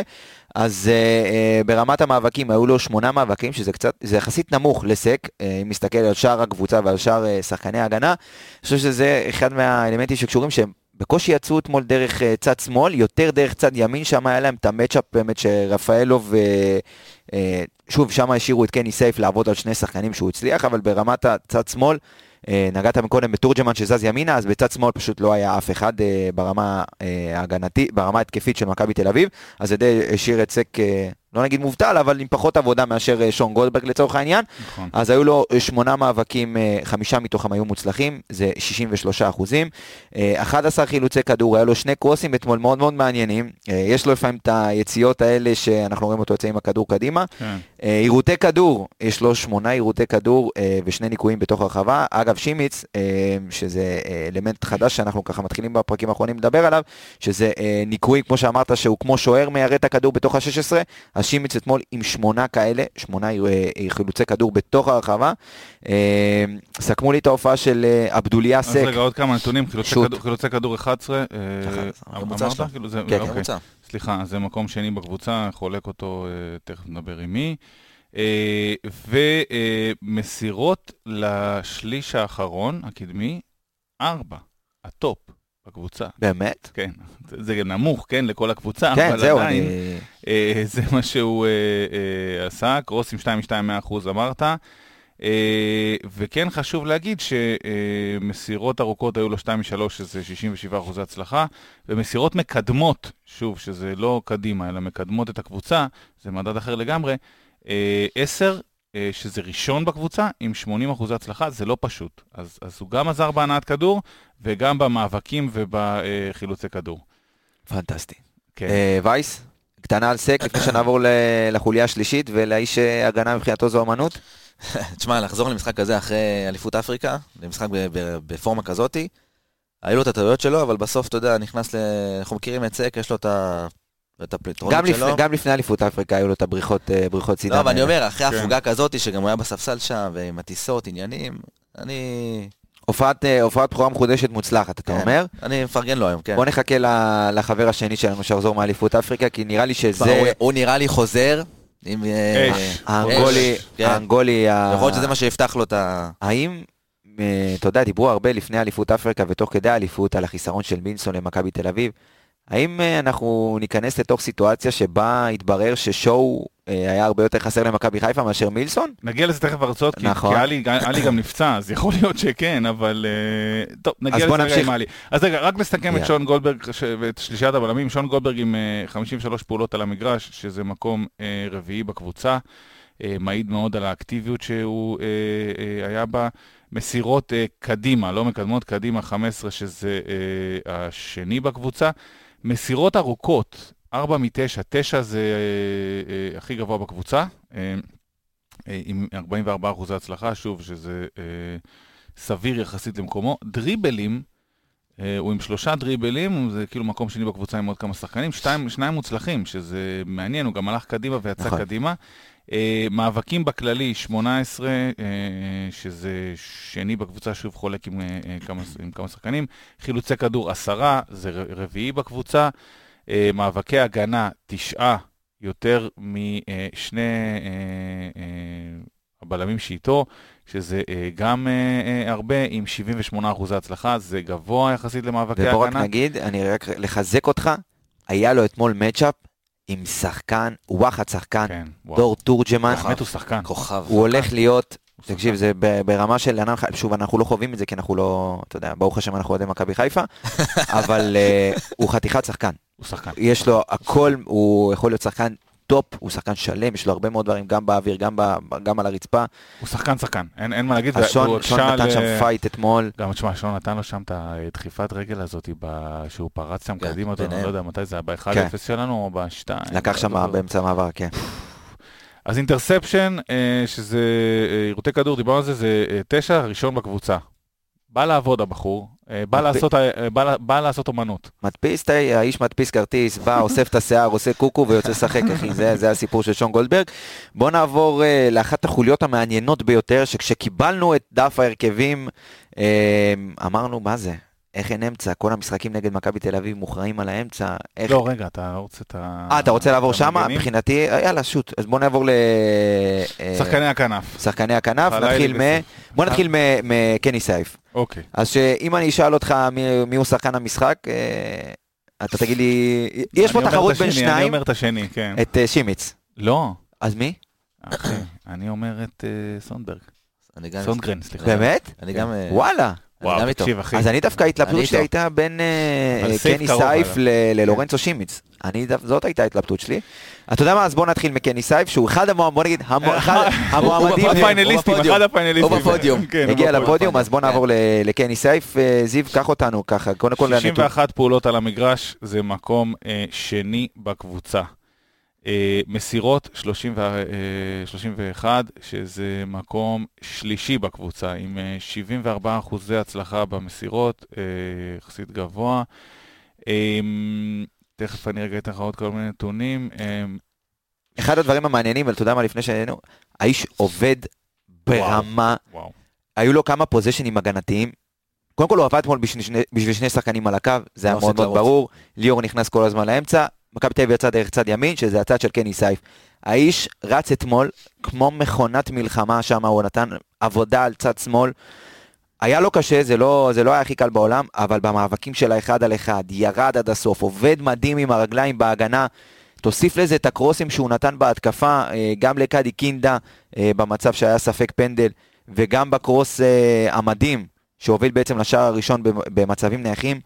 וכשלפני שהתחיל המשחק, יצא לי לדבר עם, גם עם קבסה וגם עם כמה חברים, ולא הייתי אופטימי, עזוב שאני לא אופטימי במה שקשור למכבי חיפה מהטבע שלי, אבל שאמר, שהמחשבה שקורנו לא משחק וההשפעה, ואנחנו ידענו עד כמה קורנו משמעותי, אז זה עוד, עוד אלמנט שלא הכניס לי אופטימיות, אבל אתמול קני סייף עשה עבודה גם ברמה הגנתית, גם ברמה התקפית, פשוט מדהים, הוא גרם לך לשכוח שפשוט קורנו שיחק שם לפני, זה פשוט מדהים. הוא רץ על כל הקו, הוא רץ על כל הקו, אגב הנתונים מבטאים את זה, אז דיברת גם הגנה וגם התקפה, שים לב, מאבקים בכלל 20 ראשון בקבוצה. מאבקי הגנה, 13, ראשון בקבוצה עם 62 אחוזי הצלחה. אה, תיקולים, 1, פאולים, 3, שזה בין הבודדים שעשו אה, פאולים והם היו סופר קריטיים. אה, הבן אדם אה, בא לעבוד, אה, דיברנו על המאבקים, עכשיו, לגבי הנעת כדור, שים לב, אה, דיברנו על המסירות שלו, אבל אה, ש- אה, יצירת מצבים אה, שניים, הוא יצר שני מצבים, זה, שוב, אנחנו עם נתונים נמוכים למכבי חיפה בהקשר הזה, אז הוא הראשון בקבוצה, ו-expected assist, מדד הבישולים הצפויים, הוא עם 0.3, הוא שני בקבוצה. זאת אומרת, הוא גם עשה הגנה וגם ייצר מצבים, וכל זה הוא עשה תוך כדי... באמת אה, לוחמה בלתי מתפשרת, הבן אדם כאילו לוחם טרור, הוא כאילו... וואי, הייתי- הייתי- הייתי מגדיר את זה אחרת. לוחם. לונדר. לא, הוא בטירוף, כאילו, הוא בטירוף כל המשחק, הוא גם בטירוף, הוא. בטירוף, הוא ממש, הוא האם- מביא את עצמו לתוך המשחק בטירוף. אז וייס, האם כן. אפשר לדבר פה על אה, רכש בינגו של ינואר? ש- מה שבא להגיד, קודם כל, מה שזיו אומר, היינו, בסך הכל מכבי חיפה היה אתמול ארבע מסירות מפתח, שקני סייף היה אחראי על שניים מתוכם. עכשיו, מה שאני אומר, מה שבא להגיד על- קני סייף, שהחתימו אותו, אמרנו, הוא כל בויניק, הוא רוצה לשחק בכל, אה, בכל אה, עמדה, והוא סוג של שחקן משלים, אף אחד לא בנה על זה שהוא יהיה באמת שחקן אה, מוסמר להרכב, מכורח הנסיבות, גם הרבה פציעות עניינים, אבל ההופעת בכורה של קני סייף הייתה מול מכבי תל אביב בבלומפילד, שהוא נכנס מחליף. עכשיו, אם אני לוקח את, את, את ההופעת בכורה שהוא נכנס מחליף כי הוא הגיע בכושר לא טוב, כאילו, פחות אה, עד שהוא נכנס לעניינים, ואת המשחק נגד באר שבע שהוא לא פתח בגלל שהוא שיחק 120 דקות בליגה, בגביע וכבר היה גמור. כל המשחקים, חוץ, חוץ מהמשחקים האלה שהוא שיחק במכבי חיפה, הוא פתח, וכמעט את רובם הוא גם סיים. זאת אומרת, הוא גם, כמו שאנחנו רואים, הוא נלחם ורץ, ועד הדקה האחרונה הוא בטירוף, וזה רכש שלדעתי הוא מעל המצופה. כאילו, אתה ציפית לקבל שחקן משלים, שחקן שייתן לקורנות האוויר, שחקן שייתן לשחק בקיצוני, ואתה רואה כמה הוא דומיננטי וכמה הוא נכנס טוב למכונה, והוא נכנס לכל, לתוך המערכת שעובדת, ואם הוא, אתה שם אותו באמצע, אתה יודע מה אתה תקבל. אתה שם אותו מגן שמאלי, אתה יודע מה אתה מקבל. אתה, אתה שם אותו קיצוני, או עשר, אתה יודע מה אתה מקבל, והוא נותן הרבה יותר ממה שחשבנו שהוא ייתן, וזה מדהים. מסכים, דור. אני חושב שהשארת אותנו ספיצ'לס, אז בוא נעבור אה, לצד השני, ל- לאיש ש... אני חייב להגיד לך משהו על אלן חלילי אתמול. יאללה, הרי לפני המשחק היה דיבור עם ההצעה של אה, סן ג'ולאז' עם השבע מיליון. סנו ז'בל. כל, כל, כל פעולה שלו, אני וחבר שלי יושבים, אומרים, טוב, שמונה, תשע, שבע, כל פעם אנחנו, לפי הפעולות. אנחנו מוריד, או מורידים או מעלים. והיה איזה קטע שהוא, שהוא קיבל איזה תיקול או משהו. אמרתי, בוא'נה, בוא'נה, בוא'נה, זה תיקול של שבע מיליון, זה לא... זה כסף על הרצפה פה, זה תשמע, כל זה- כל פעולה. קודם כל ההצעה, כבודה במקומה מונח, זה שאפו, לא, שאפו למועדון, זה מדהים אם זה יצא לפועל. אה, אם אני כבר אקפוץ מעל הנתונים, אה, מה שחסר לו זה הפעולה האחרונה. דיברנו על זה לפני הפרק, שאם הוא מתחיל עכשיו לה- הניע, הוא יעצור רק עם בעיטה, אין משהו אחר. והוא חייב, נעול, נעול. חייב לעצור את זה, ולחשוב שנייה, ול... כי אם הוא, אם הוא ישפר את הפעולה האחרונה, שכבר עברת את השלושה, ארבעה שחקנים, אתה כבר הגעת לש... המשחק פתוח. תן את הקטנה לצד, תבשל, וזה יכול אה, להרים אותו עוד רמה למעלה. אה, אני בטוח שיעבדו. איתו על זה בבלגיה. אני אה, מסכים מאוד, אגב, הוא גם- הוא גם פשוט צריך לזכור ש... אני מסכים מאוד, אגב, המשחק שלו היה כזה פלוס מינוס אתמול, אה, אה, הוא עבד גם בהגנה, בסדר? זאת אומרת, הוא עבד אה, בהגנה, הוא עם אה, אה, מדדים הגנתיים טובים, אה, חילוצי כדור בחצי יריבה אה, שלושה, שזה בין המובילים בקבוצה, מאבקי הגנה שמונה, שזה מקום שלישי בקבוצה. אה, זאת אומרת, הוא עבד גם בהגנה וגם בהתקפה, אה, אבל בהתקפה באמת הבעיה שלו היא זה שבפעולות האחרונות לפעמים הוא עושה פעולה אקסטרה, והוא צריך לזכור שהכוח שלו הוא בפריצה, אבל זה גם קצת מגביל אותו בסוף כשהוא מגיע מול השער, כי הפריצה הזאת היא, היא, היא משהו שאתה כאילו אה, גובה מהגוף המון אנרגיות, והוא יודע לקחת את הכדור ולקדם אותו ולהעיף אותו קדימה, אבל אתה בסוף מגיע מול השער, קצת חסר לך רגע את האוויר, קצת חסר לך את השנייה. היו כמה פעמים שיכל למסור או לליאור או לקינדה, אני חושב, נכון. והיה, והיה יכול לייצר מזה הרבה יותר מאשר לנסות לחפש את הבעיטה הזאת בכוח. אני איתך. אז אה, בוא נמשיך, אה, בוא נמשיך הלאה, נגענו בענן חלילי, בוא נעבור אה, באמת לחוליית הקישור שרצית מקודם, ועכשיו אני רוצה זיו שתיתן לי אה, על שחקן המשחק שלך, ושתף אותי למה דווקא אתה בוחר בו כאיש המשחק אה, של הערב אתמול, שזה שחקן משחק, קודם כל שקיבלנו דף הרכבים, מישהו חשב לעצמו שהוא, שזאת תהיה העמדה שלו כאילו, או שכולנו היינו בטוחים שהוא הולך להיות מגן על כל הקו בצד ימין, ו- ולא הייתה קשר הדעה אחורה. הרווחת, בוא או, נגיד ככה. כן. אה, אבל למה, אה. למה דניאל סונגרן הוא שחקן, אה, דווקא איש המשחק שלך אתמול? כי דניאל סונגרן חסם את, בגופו את כל תנועות העומק של אה, אה, מכבי תל אביב. אה, וכמו שאמרתי לך אה, לפני, לפני הפרק, הנה הוא אז מוציא כאילו- את הדפים. לא, בדיוק התחלתי, אחרי זה שראיתי את זה בטלוויזיה, התחלתי לרשום דקות, מתי הוא עושה את זה, ואז פשוט הגעתי למסקנה שחבל לרשום, כי זה חבל על הדף, בדיוק, ועל זה הדיו. יהיה, זה יהיה דף שלם, כי זה קורה כל שלוש שניות. אה, אז הסיטואציה... אז האם, רגע, אז- זאת- זאת אז- המשימה שהוא קיבל בעצם ממסיידגו? אז אני חושב שאחד כן, הוא נועד למנוע את כל הסיפור הזה של העומק, ו- וראינו הרבה פעמים אה, שקצת קשה לו גם עם הנעת הכדור אה, כשהוא בפוזיציה הזאת, כי זה לא הפוזיציה הטבעית שלו, ואתמול בעיניי הוא שיפר את זה דרמטית. הוא עם אה, אה, מסירות קצרות, ארוכות, טובות, הוא הניע לצדדים, הוא עשה את זה גם תחת לחץ. הוא בעיניי באמת בגופו מנע אה, אה, אה, הרבה מארבע התקפות של מכבי תל אביב. אני אתן לך גם קצת נתונים, בסדר? בטח. 64 פעולות על המגרש, ראשון בקבוצה. אחוז הצלחה בפעולות, 67, אה, זה שני, סליחה, שלישי רק לסימיץ', ו, אה, לסימיץ' וסק, אה, הוא מקום שלישי בקבוצה, בקיצור, זה מה שאני בא להגיד. מסירות, 42, זה אתמול לא היה, הוא הראשון בקבוצה. אתמול זה לא היה נראה ככה, אבל הוא באמצע הניע את הכדור. הוא היה אחראי לכל הטקטוקים הקטנים האלה. מסירות קדימה, 15, זה מקום שני בקבוצה. אה, אגב, סליחה. 42 מסירות עם 83 אחוזי הצלחה. גבוה. גבוה מאוד מאוד יחסית למקום שהוא נמצא בו נכון. וללחץ שבו אה, הוא היה נמצא תחת מכבי תל אביב. מסירות קדימה 15 שני בקבוצה. אה, מסירות לצדדים, אגב, לאגפים 11 ראשון בקבוצה 91 אחוזי הצלחה. מסירות קצרות, שדיברנו על טקטוק כדור כזה, 36 מסירות עם 89 אה, אחוזי הצלחה. הכל, הוא הניע את הכדור בצורה אה, לא רעה בכלל. מסירות ארוכות, 6, אה, שזה שני בקבוצה, אה, עם 50 אחוזי הצלחה, לא רע יחסית למסירות ארוכות. אה, רגע, עוד לא סיימתי איתו. אני רק אוסיף על מה שאתה אומר לפני שאתה ממשיך, אוקיי. שאחד האלמנטים הכי בולטים של קשרי אמצע זה התמצאות במרחב.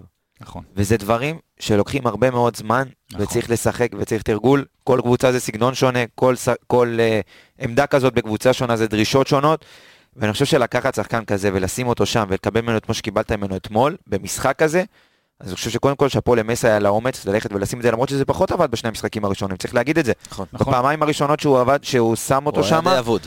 די אבוד, אבל אני חושב שעבדו איתו וראית את זה אתמול, אני חושב שגם ברמת הוידאו אה, שהוא קיבל, אני בטוח, הקדשה אישית ו- וסרטוני וידאו של בדיוק מה רוצים ממנו, וראית אתמול עד כמה הוא אינטליגנט במשחק שלו, מעבר לקפריזות שדיברנו והאמוציונליות במשחק, ראית גם שחקן אינטליגנט. שעבד אתמול, שוב, ביחד גם עם עלי מוחמד במרכז המגרש, וכשקיבלנו את דף ההרכבים אז אמרנו, מה זה האמצע הזה, כאילו, וכל המשחקים עם מכבי תל אביב, אתה מפ... זה נופל וקם על האמצע. וזה היה נראה כשקיבלת את ההרכב, אתה אומר, בהתחלה חשבת שזה רק עלי, ופתאום כן. אתה מקבל גם את סונגרן שמה, ופשוט הצלחת לשתק את מכבי תל אביב לגמרי. אז בנתוני ההגנה שלו, חילוצי כדור אה, 11, זה שני בקבוצה אה, יחד עם סק. אה, חילוצי כדור בחצי היריבה, דיברנו פעם על שש של נטע שעושה את זה. אה, שוב, הנתונים הם יחסית אה, אה, לא גבוהים שלנו בתור קבוצה, אבל באופן עקרוני, אה, ארבעה חילוצים כאלה זה מקום ראשון בקבוצה. ארבעה חילוצי, אה, חילוצי כדור בחצי היריבה, בחצי של היריבה. מאבקים שתיים מש, משלוש, שזה 67 אחוזי הצלחה. אה, וזהו, שוב, בעיניי הוא פשוט, ו- וכל זה אגב הדברים שרשומים בסטטיסטיקה. מה שלא רשום, או מה שלא נספר, זה בעצם כל הפעמים שהוא ליווה את אה, דור פרץ, את דור פרץ ואת תורג'מן שם, ואת uh, קרניקובסקי, ומנע מהם מלקבל את הכדור. אז אני אומר, אני אומר לך, בעיניי הוא פשוט עמד באמצע, והיה סטופר מעולה, מעולה, מעולה, ו- ותפס את הפוזיציה הזאת. וייס, תן לי קטנה לסונגר לפני שנעבור לאלי מוחמד. למה אני בחרתי אותו כמצטיין שלי אתמול? כי מעבר למספרים ולנתונים, וכמו שזיו אומר, למה שהוא כן עשה, אתה רואה את מה שהוא עושה בלי הכדור, שזה... בוא נגיד סונגר הוא לא בן אדם שנחמד להתקל בו, בוא נגיד ככה, הוא, הוא תמיד כועס, תמיד עצבני, הוא תמיד במשחק. אתה מרגיש אותו. אני, אני אוהב שגם השחקנים מרגישים אותו, הקהל מרגיש אותו, כאילו הוא שחקן ש, שמטריף את המסביב. זה אחד, שניים, הוא השתחרר מכדור אתמול, עם לחץ, עם התנועה, וזה קצת הזכיר לי נשכחות, אתה יודע, זה אילנות גבוהים, כן, אבל אני אהבתי את זה שפתאום הוא... עמדה זרה לו, השתחרר תוך כדי תנועה, בכזה, בקלאס ובאלגנטיות. בנגיעה גם לפעמים. כן, וזה היה מדהים, ובאמת, אתמול הוא התחבר לו, לא יודע אם זה הפתרון האידיאלי, אבל אתמול זה עבד והתחבר וזה היה מדהים, ובגלל זה עם כל המסביב, לדעתי הוא היה טיפה, כולם היו מולים, הוא היה אחד, דרגה אחת למעלה. בגלל, אתה אומר, הנסיבות כן. ההתחלתיות שהוא לא משחק בעמדה לא שלו. לא בעמדה שלו, ומול מכבי תל אביב, ו... והוא עדיין נתן שם משחק מטורף, ו... והיה כיף לראות, והיה איזה קטע שהוא קיבל את הצום מהשופט, ובא לצעוק עליו. והוא עשה לו ככה, ואמרתי לו, לא, לא, לא, לא, לא. אז, אה, אבל זה, זה סונגרן, לטוב ולרע. לא למדנו, לא למדנו. הוא בטירוף כל הזמן, וזה מה שכיף לראות. יפה, והוא מדביק את השער. בוא נעבור אה, חיש חש לחוליית ה... לקו הבא, אה, נגדיר אותה כך כמו שזיו אמר מקודם, לקו הבא של הקישור, שזה, אה, בוא נעבור רפאלוב, גדי קינדה, מי אנחנו רוצים? עלי מוחמד. עלי, אה, לא, נכון, צודק, לא דיברנו על עלי מוחמד. הרגישתי שאתה יודע, דיברנו על סונגרן ורפנו עליו כן. ודילגנו על היה עלי, לו אז בוא נעבור, היה אה, לו שותף. היה לו שותף אתמול הפשע, בוא ניגע קצת בנתונים של עלי מוחמד. בבקשה. אה, 39 פעולות על המגרש, אה, 24 כאלה מוצלחות, עם אה, 62 אחוזי הצלחה. מבחינת אה, אה, מסירות, היו לו 20, 20 מסירות עם אה, 17, אה, 17 מדויקות, זה 85 אחוז. מאבקים, 12, 5 מוצלחים, זה 42 אחוזים. חילוצי כדור, היו לו 6 אתמול. אה, מבחינת אה, אה, מאבקי הגנה, היה לו מאבק אחד מוצלח מתוך ארבעה. דווקא המאבקים ההתקפיים, זה, הוא מוביל פה עם אה, שישה מאבקים התקפיים אה, ושלושה מוצלחים. אה, בין הגבוהים בקבוצה, אגב, מבחינת מאבקי התקפה מוצלחים. נגענו מקודם, גם היו לו שישה עירותי כדור, שזה הפורטה של עלי, להסתנן ככה בין השחקנים נכון. של היריבה ולקחת את הכדורים. ודווקא השילוב שלו ושל סונגרן, שוב, זה לא יכול לעבוד בכל המשחקים, כי אתה תרצה שחקנים שיודעים להניע את הכדור, וזה דווקא נראה לי להזיז יותר נכון את הכדור קדימה. וזה דווקא נראה לי החוליה הפחות טובה, אבל אתמול למשחק הזה, עלי מוחמד ודניאל סונגרן, הציוות שם עבד מאוד מאוד טוב. אה, תנו לי ככה בקטנה לעלי מוחמד על המשחק שלו אתמול, עד הפציעה היה אחד הטובים על המגרש. אני מסכים איתך, כל מה שאמרת הוא נכון בעיניי, אני ממש מסכים. אה, מבאס מאוד, אנחנו כבר יודעים מה הפציעה, אתה יודע, פה אנחנו בחיים לא נדע. אמרו אנחנו- בטלוויזיה שזה נראה לא טוב. שזה נראה לא קראתי טוב. הפוך, אבל... אה, כן, אז, אה, פה אמרו- אחי, במכבי חיפה שאומרים לך מתיחה בשריר שאתה חוזר עוד שבוע, אתה חוזר חצי שנה, אז אם זה נראה כבר לא טוב בהתחלה, אני לא יודע כמה, זה בשנים אחי, אתה לא חוזר, אמרתי לקבס. חיפה, מכבי חיפה בהודעות על פצועים זה כמו ממוקה משנות ה-80, זה שבוע הבא בעוד שבועיים, מחר בעוד יומיים, אתה לא יודע מתי תקבל את השחקן באמת כשיר fit. אה, בוא נזכור שחג'אג' לפני איזה חודש ומשהו אמרו שהוא בספק למשחק ומאז לא ראינו אותו, כן. אתה יודע, הוא פשוט לא. חודש ומשהו לא איתנו. רגע, שואו בעצם כבר חזר? שואו הוא פה, יחזור... אה, מנואל כן, קפומאנה, או פה, אני לדעתי, לדעתי יום שבת הוא גם יפתח, אני חושב. או-אה. שהוא יפתח. אני חושב שכן. והאמת זה עם הקצב שהוא אה, שיחק ומה שהוא עשה שם באליפות, אה, לא, גם אני חושב שאלי לא ייקחו סיכון איתו. כן, מה זהו, אה, נראה לי שישמרו אותו לגנד, אבל מה שאני רוצה להגיד על עלי מוחמד, אתמול היה לו שני מהלכים של הקפצת כדור, לא יודע אה, מי זה היה, אבל... פנובראים. וואו, וואו. יש לו את הקלאס הזה לפעמים. יש לו את הקלט, אבל כאילו נראה לי, עלי מוחמד, הוא לא, הוא לא על 100. זה כאילו, היה את עלי מוחמד שלפני, כל עוד הנר- דולק, עלי מוחמד היה שם מטורף, כספית. ונראה לי עלי- מוחמד לאחרונה, הוא עושה את מה שצריך, אבל נראה לי שהוא יכול עוד. ואיפשהו שם זה כאילו משהו תקוע שם שלא מתחבר לו השנה, ואם משהו, אם זה גם, זה ישתחרר, אז בכלל הוא יהיה...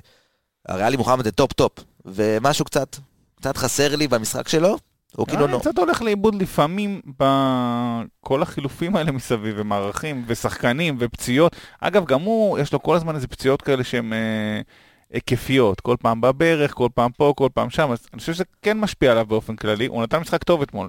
לא, אני אומר, אני אומר, משחק טוב, אבל אני יודע, בגלל שאתה יודע מה הוא, אני יודע מה הוא, מה- למה הוא מסוגל יותר, אז זה היה משחק טוב, אבל הוא יכול להיות הרבה יותר טוב. האם אפשר. לייחס את זה לעובדה שכשהיה לי טוב, זה תמיד היה עם עוד קשר דומיננטי לידו? זאת אומרת, קשר מוביל, נטע, פאני אה, וכל אלה? או שזה... אני חושב שגם בתקופה שלו בנתניה, היה לו עוד קשר אה, טוב איתו, האם זה קשור לזה או כן, שאנחנו... היהודי הזה, איך קוראים לו? אה, דן גלאזר. ניקו... אה, אולסק, אולסק בנתניה. אולסק, נכון, נכון, נכון. הערכה שלו, קשר שיותר טוב בהנעת. כדור ממנו, פשוט נותן לו להתרכז בדברים שהוא טוב בהם, ואז פשוט מרגיש לך שלם אני חושב כזה. ב- שאתמול- שאתמול סונגרן כן עשה את הדבר הזה בשבילו, זאת אומרת... בגלל זה השילוב כן- ביניהם עבד טוב. וזה כן השילוב עבד טוב. אה, שוב, אני, אני חושב, אני מבין מה אתה אומר, אבל אני חושב שבאמת כל הזמן יש לו איזה פציעה בברך, פציעה פה, פציעה שם, והוא כאילו משחק. הוא אז- לא עקבי. לא, הוא משחק, אז, אז אה, זה כאילו, יכול להיות שהוא גם מושפע מכל העומס הזה. וה... יכול- תשמע, זה עומס משוגע, מה שיש העונה זה לא משהו... נכון. כולם מתמודדים עם זה וכולם אה, נפגעים מזה, אבל בוא נעבור... אה, רגע, כתוב פה שהערכה שלא מדובר בפציעה משמעותית. זה בוא נגיד זה חודש חודשיים. חודש חודשיים. בוא נגיד, הוא גמר את העונה. אני מוחמד יחזור אלינו באוגוסט. אבל... אה, במקרה הטוב, אחי. כן.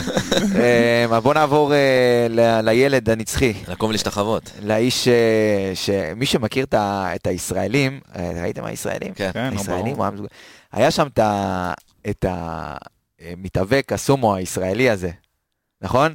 שהוא לך לך תתלחם איתו, לך ת... אז זה הרגיש כאילו אתמול רפאלוב הלך להתלחם איתו, והוא פשוט עשה שם הכל, אתה יודע, הוא... ברמה התקפית, ליאור זה ליאור, אנחנו יודעים מה אנחנו נקבל ממנו, את הטאץ', את העצירת כדור, את הפסים קדימה, את המחשב, אבל ליאור רפאלוב זה מכונת עבודה, זה פשוט לא יאמן מה האיש הזה מוציא מעצמו, בגיל כזה, האנרגיות שלו והמוטיבציה שלו, ואתמול הרגיש לי שליאור רפאלוב הבין שצ'רון שרי לא פה, והקבוצה היא שלו. ליאור רפאלוב אתמול הבין שמכבי חיפה היא הקבוצה של, שלו, והוא צריך לקחת אותה גם ברמת האנרגיות, ברמת ה... ה הפשן שהוא מכניס לתשוקה והשחקנים הצעירים שרואים אותו, ופשוט זה, הוא מדבק, הוא כריזמטי בטירוף, וקשה מאוד לא להיסחף אחריו באנרגיות ובמה שהוא שם על המגרש, ואתה יודע, זה היה חסר, זה היה חסר לנו בעשר שנים האלה, הרעות של מכבי חיפה, היה חסר לך את הרעב הזה ואת האנרגיות. מה שמצחיק, שחזרנו לנצח את מכבי תל אביב, שהיינו צריכים את ליאור רפאלוב מהעבר כדי שיבוא וייתן את מה שהיה פעם לשחקנים היום. גם מה שאהבתי לראות מעבר למספרים של ליאור, מה שאנחנו יודעים, המידה שלו במגרש הוא כמו המאמן, שלפעמים הוא עושה, אתה יודע, מרגיע את השחקנים, הוא מדליק אותם. אה, הפעולה שענן עשה, דיברנו, ואז הוא אמר, ענן לא צריך לבעוט כל הזמן. כאילו, אתה רואה תוך כדי משחק, הוא מדבר איתם, ו... ומכווין אותם, ו... והולך לדגו, והולך לקינדה, והולך לענן חלילי. הוא כאילו, זה ה... הערך המוסף שלו מעבר לכדורגל, זה החונכות נקרא לזה. איך הוא, הוא מדבר עם השחקנים ו, ושולט בקצב, זה פשוט מדהים לראות איז, איך הוא חזר מבלגיה ומה קיבלנו, וזה פשוט מטורף. כאילו, אתה אומרים ששחקן חוזר מחו"ל לעונת פרישה או לסגירת מעגל, לרוב זה לא נגמר טוב. וליאור רפאלוב פה כותב סף, את הפרק מחדש ומשנה את כל מה, כל מה שחשבנו וכל מה שחשבו שיקרה, וזה פשוט מדהים לראות אותו, וזה רק ילך וישתבח, באמת, שזה ימשיך ככה. אני חושב שאנחנו ממשיכים לדבר על הסיפור הזה של, גם אני חוטא בזה כל הזמן, שהוא כאילו בא לעונת פרישה, וזה יותר, אני לא חושב שהוא חושב ככה. לא, אני חושב, לא, שהוא בא, לא, ברור, לא, ברור שהוא בא לסגור, הוא לא עכשיו בן 20, אבל אני לא חושב, וזה מגובה לדעתי בעדויות מהמגרש, שהוא חושב בראש הזה של בוא נעביר עונת פרישה. הוא בא לקחת אליפות, הוא לא בא ל... משחקי משחקים, כן. בדיוק, הוא לא בא כאילו עכשיו אה, לסגור את הקריירה, ויפה, וייתנו לי כמה איזה שני משחקי כפיים, אה, כאילו בסמי עופר, וזה. אני באתי לקחת אליפות, אני לא... אני חושב ש... אנחנו, בגלל שאנחנו רגילים לראות הרבה שחקנים שחוזרים ועושים את הסיבוב הזה, אגב, לא רק, ב, לא רק, בישראל, כן, לא, רק ב, אה, בחיפה ולא רק בישראל, זאת אומרת, זה גם קורה בכל מיני מקומות, אז זה כאילו די ברור שזה המצב, אבל אני לא חושב שבראש שלו זה מה שהוא חושב, הוא בא לקחת אליפות. זה, אני חושב שזה... זה הכל פרשנות שלי, כן? זה אני אה, נכנס לראש, בדיוק, אני נכנס לראש של ליאור רפאלו, וזה ככה נראה, אבל במגרש, זה לא נראה שהוא בא לעונת פרישה. במגרש זה נראה שהוא כאילו בא לאכול את הדשא. תסתכל אתמול, שני נתונים וזהו, סיימתי עם זה. זה חמיש, פעולות, 56 על המגרש, זה מקום שלישי בקבוצה. ומאבקים, הגנה והתקפה ביחד. 18, שזה מקום שני בקבוצה, חולק את זה עם עוד uh, שחקן, אז כאילו, הוא לא בא, הוא לא בא לטייל על דשא, הוא בא, הוא בא להתלחם איתו. הוא בא להתלחם איתו. הוא בא להתלחם איתו, אחי, 18 מאבקים, זה מקום שני בקבוצה, הוא בא להתלחם. אגב, הוא מזכיר קצת, אה, גם להוא יש שם קשת כזה, וציון ברוך, אז מי שזוכר, יש לו קשת כזאת ואיזה קוקו מוזר כזה. לגבי מאבקים, אני לא חושב שהיה משחק שהוא היה פחות, כאילו הוא לא היה בטופ שלוש לדעתי. גם אני חושב. נראה לי שהוא שומר על זה. בגלל זה אני אומר שאני לא חושב שהוא בא לטייל, הוא בא... זה היה יכול מאוד בקלות. אני מאוד אוהב את ההגדרה של הליגה, הוא בא להתלחם איתו. זה היה יכול מאוד בקלות ללכת לכיוון הזה, והוא בחר ללכת לכיוון השני, וזה מדהים, וזה... כיוון מנוגד לכל הציפיות, לא משנה מה... סבבה, נכון, סבבה, בסדר. וניתן עוד נתון אחד, ככה זה, 2 מ-2 מאבקי אוויר, ליאור רפאלוב. על תורג'מן. 100 אחוז, 100 מ-100. כמה, אתה לא הרבה כמה תורג'מן גבוה ממנו, סתם בשביל הספורטיביות, כאילו... אז פה אה, בינתיים עד שיבדוק לנו... איתו בא להתלחם, אה, עמיגה. לגמרי, לגמרי. אז בוא נעבור באמת אה, לצלע השנייה בעמדה הזאת, שזה גדי קינדה, שמוסיף לעצמו עוד בישול, שזה חצי בישול, שוב, אבל זה, אתה יודע מה, בישול שהוא כמו גול, כי גם החילוץ כדור... לא, זה בישול 100 מ-100, אבל זה בישול אקסטרה, כי הוא גם חילץ את הכדור ובאותה פעולה גם בישל. לדין דוד את הגול, אה, הטורף נבלות הזה, אבל בוא, בוא ניגע ככה קצת בנתונים של אה, גדי קינדה אתמול. אה, אתמול, יאללה, תן. ליאור רפאלוב מטר 76, דור תורג'מן מטר 86. 10 סנטימטר והוא גרם לו להיראות קטן. 10 סנטים. 10 סנטים הוא גרם לו לראות קטן, זה משפט שיכולים כל אחד לקחת אותו לקונוטציה, ואנחנו, אני חושב שפה אפשר לסגור את הפרק הזה. עבור לקינדה, עבור לקינדה. פרק 400, חשבתי שאנחנו במגמת עלייה, ואנחנו שוב פעם אה, חוזרים אה, לפרק 100 ב- ברמת ההומור, אבל בואו בוא נחזור לגדי קינדה, אה, 73 דקות אתמול, 42 פעולות על המגרש, אה, 19 פעולות מתוכן מוצלחות, זה 45 אחוז. אה, מבחינת מסירות היו לו 19 מסירות.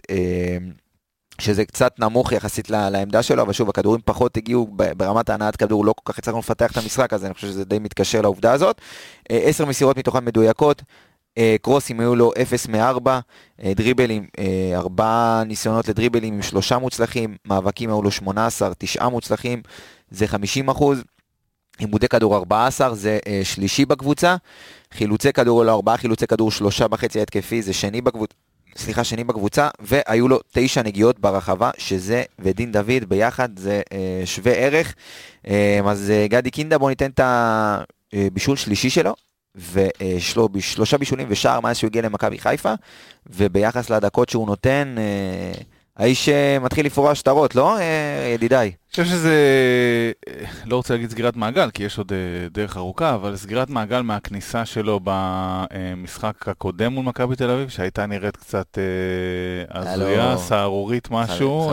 חמישה עיבודים בתש- בתשע דקות, משהו כזה. משהו כזה, וזה זה פשוט גם היה נראה ויזואלית פחות טוב, אבל פתאום אתה רואה מה הוא יכול לתרום על המגרש, וזה כבר עולה בקו מגמה די ברור. בוא ודיברנו... לא נשכח שההפרעת הבכורה שלו הייתה נגד מכבי תל אביב, בחוץ, וראינו שם, כמו שאמרת, ויזואלית זה היה נראה לא טוב שמה, וביחס, חודש וקצת אחרי שאנחנו מהמשחק הזה, אתה רואה איזשהו גרף שיפור, התקדמות, ואתה מבין על מה, אני- אתה מבין את הסיפור של האיש. קודם כל, אני מראש חשבתי שהוא שחקן טוב ושהוא זה, אתה זוכר, מהיכרותך יש- עם האיש. בדיוק, יש איזו היכרות אה, קלה. אה, ואני חושב ששני דברים שהוא אה, יודע לתת, והם גם כל הזמן מתכתבים עם הקבוצה שדגו בונה ודגו בונה בקבוצה. אז דבר ראשון, לאט לאט, זה עוד לא שם, אבל הוא מחליק לתפקיד הזה של המחליף של שרי. כי ההשפעה שלו באזורים המסוכנים, בעשר הזה, במקומות שהם כאילו העשר הקלאסי, לאט לאט מתחילה להיות יותר מורגשת.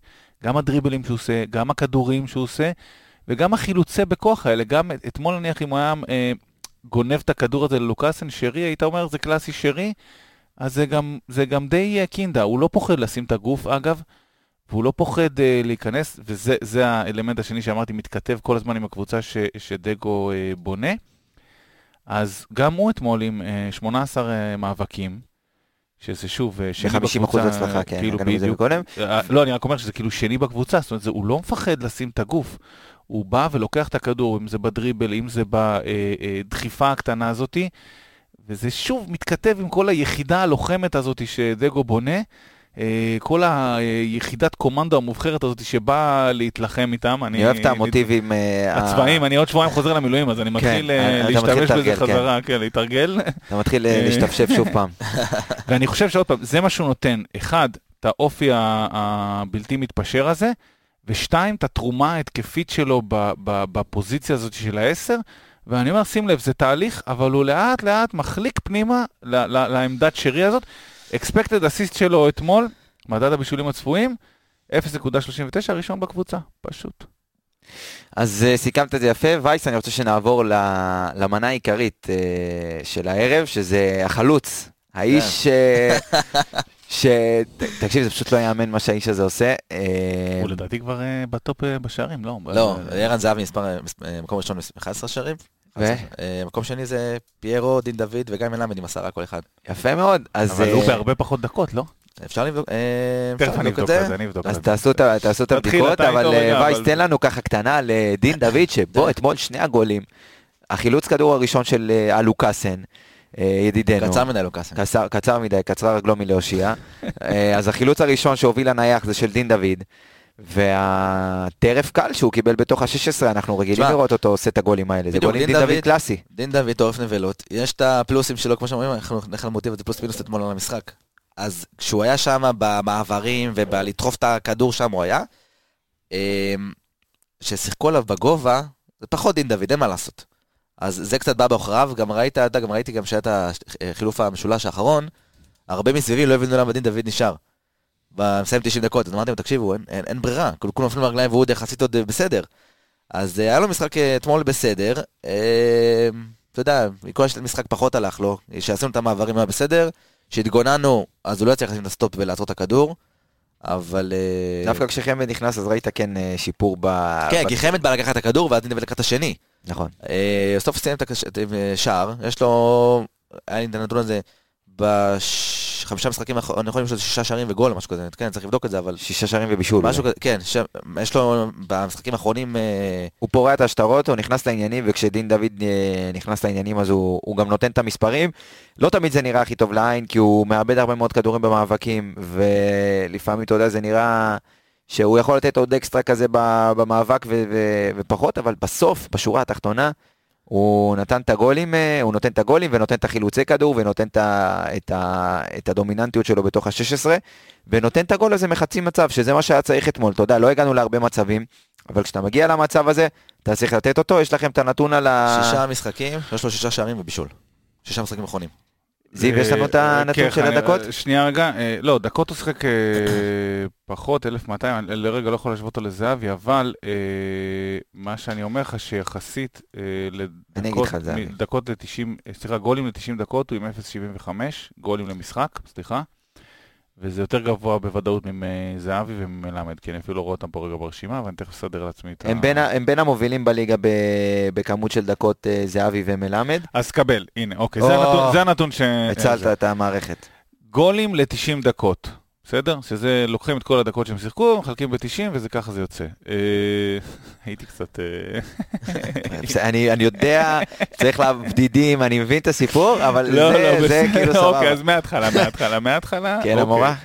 גולים ל-90 דקות, זה כאילו לוקחים את כל הדקות ששיחקת, מחלקים אותם ב-90, ואז יש לך בעצם גול למשחק. מה הקצב שלך, ומה הקצב של שערים שלך אה, פר משחק? זהבי עם 0.51, תורג'מן עם 0.50, אה, מלמד, סליחה, עם 0.54, ודין דוד עם 0.75. זאת אומרת, הוא טוב בזהבי ב-50%. הוא טוב אותו, טוב אותו. הוא טוב אותו, אה, ש- פיירו. אה, פיירו, לא יודע, תכף אני אמצא אותו רגע. אי שם בשיפולי הטבלה. לא, אבל אני חושב שדור נגע בזה בצורה אה, אה, מצוינת. תראה, את הגול שהוא שם, פיירו לא היה נותן, על הכדור גלגול ו- ובבריחה שמאלה. מעניין שאתה עמיגה אומר עוד את שנייה זה. מקבל פה איזה לא, זץ, אבל אה. אה, פיירו לא היה שם את זה, לא היה שם את זה, אה, הוא לא היה עושה את המהלך היותר אלגנטי של חלוץ הזה, ש... אתה יודע, קיבלת את הכדור ולא סתם לבעוט קדימה, אלא לדחוף את הרגל הזאת, אלא לתת איזה גלגול הצידה ולמשוך את זה ולתת את השער, נהדר. אני כן חושב שבסגנון משחק השני שדיברנו עליו, שזה אה, סגנון משחק אה, של אה, אתה זורק את הכדורים קדימה או להתקפות מעבר, יש איתו קצת בעיה. זה לא הסגנון נכון. שלו, לא יעזור בדין, אבל אם דגו בוחר להשתמש בסגנון הזה, וזה כבר לא פעם ראשונה שאנחנו משתמשים בסגנון הזה, אז יש עם דין uh, קצת בעיה, כי זה לא סגנון שמתאים לו, והוא לא יכול לעמוד בזה. זאת אומרת, זה לא, זה לא עובד עליו, הוא אפילו לא יכול לזייף את זה. Uh, והוא לא מצליח, כשאתה זורק את הכדור קדימה, לייצר לך את הרגע האוויר נשימה הזה, או את ה... Uh, וזה תרם, אגב, דיברנו על זה שהלכנו אחורה, זה תרם מאוד כן. להליכה האחורה הזאת, ש... כי לא הצלחת להשתלט על שום כדור. בדיוק, לא, הוא לא הצליח, לדעתי, אני תכף אסתכל על הנתונים, לא לאבד את הכדורים האלה, וזה יצר לנו את הבעיה. אז זה בדיוק כל הדיון דמות מראה הזה מול פיירו, מה זה נותן ומה זה נותן. הוא נותן גול שפיירו לא היה נותן, ובסוף זה ה-2-0, וזה כנראה סגר לך את המשחק. כשאתה צריך אותו ברגעים אחרים ובסגנונות משחק אחרים, אתה לא יכול לקבל את זה ממנו. אתה יודע- מה אני חושב? אני חושב שאם אתה לוקח את תומר חמד, אז זה יכול לתת לך גם את הפיזיות של פיירו, וגם את הקלאס של דין דוד בתוך הרחבה. עכשיו, הוא לא יהיה החלוץ הראשון שלנו, כי הוא הגיע להיות שלישי בהיררכיה, אבל אני כן רואה אותו סוג של שילוב בין שני החלוצים שיש לנו. זאת אומרת, אתה יכול לשחק עם תומר חמד שנתקע, גם כפיירו וגם כדין דוד. אני מסכים.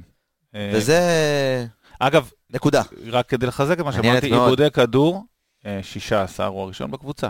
אני חושב שהוא גם, אה, אני חושב גם שהוא לא מאבקי אוויר לדעתי הוא על אפס, אם אני... אה, אפס מארבע, אפס מחמש, אה, אם אני זוכר, אם קלטתי פה אחד מארבע, 25 אחוזים, הוא הכי נמוך בקבוצה. זאת אומרת, זה בדיוק... זה דין דוד.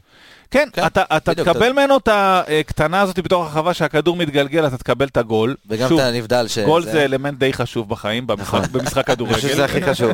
הכי חשוב. אבל אתה לא תקבל ממנו את האוויר כשאתה צריך, כשאתה... אה, זה, ואני מסכים עם, אה, עם אה, דור, חמד יכול לתת שני, שילוב של שני הדברים האלה הרבה פעמים.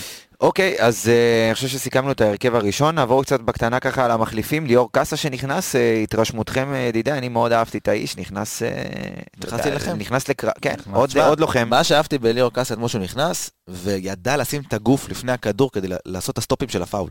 בבקשה, זה... פאולים שספג, בדיוק הסתכלתי על זה, ארבעה, ראשון בקבוצה. זאת אומרת, הוא שיחק 36 דקות, ועשו עליו יותר פאולים, אגב, פי שתיים מהבא בתור אחריו, שזה אה, סייף, שזה, אה, עשו עליו המון פאולים, וזה בדיוק מתקשר למה שאתה אמרת, כי גם אני שמתי לב לזה למגרש, חיפשתי את הנתון הזה, בגלל זה הוא היה לי בשליפה. אה, אה, תשמע, בסופו של דבר צריך לזכור שזה ילד שהיה, התחיל את העונה בנוער של הפועל ירושלים, הגיע למכבי חיפה עם כל העליהום וכל הבאז וה- והתג מחיר והכל, והוא נכנס, והוא מבקש את הכדור והוא בא לשחק.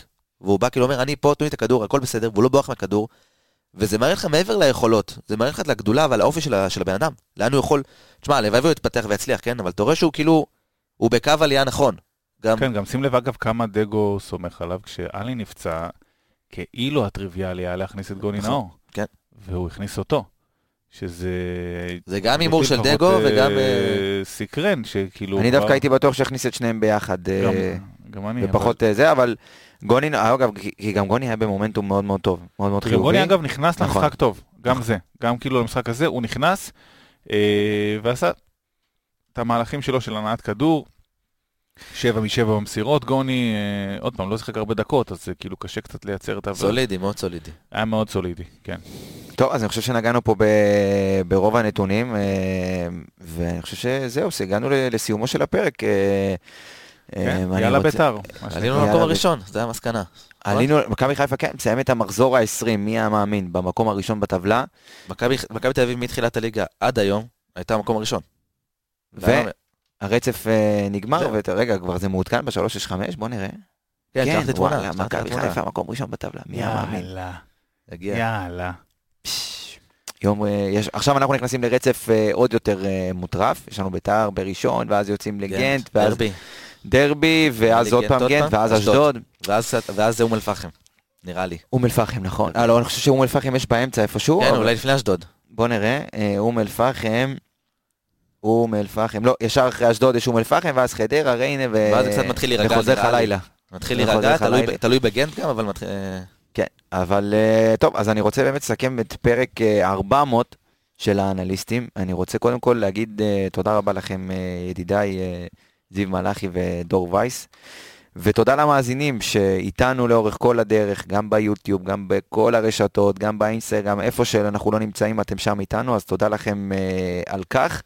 ותודה למכבי חיפה שנתנה לנו אחלה של מתנה, באמת מתנה הכי טובה שאפשר לבקש לפרק 400, שזה מקום ראשון בטבלה, ומי ייתן, ואנחנו נשב פה עוד אה, כמה חודשים, כמה זה? ארבעה חודשים, חמי, שלושה חודשים, אה, בסוף העונה, ונסכם את העונה. עם נחגוג שוב. אז uh, תודה רבה לכם יקיריי, אני הייתי אור עמיגה, אנחנו נשתמע בפרק הבא, ביי ביי.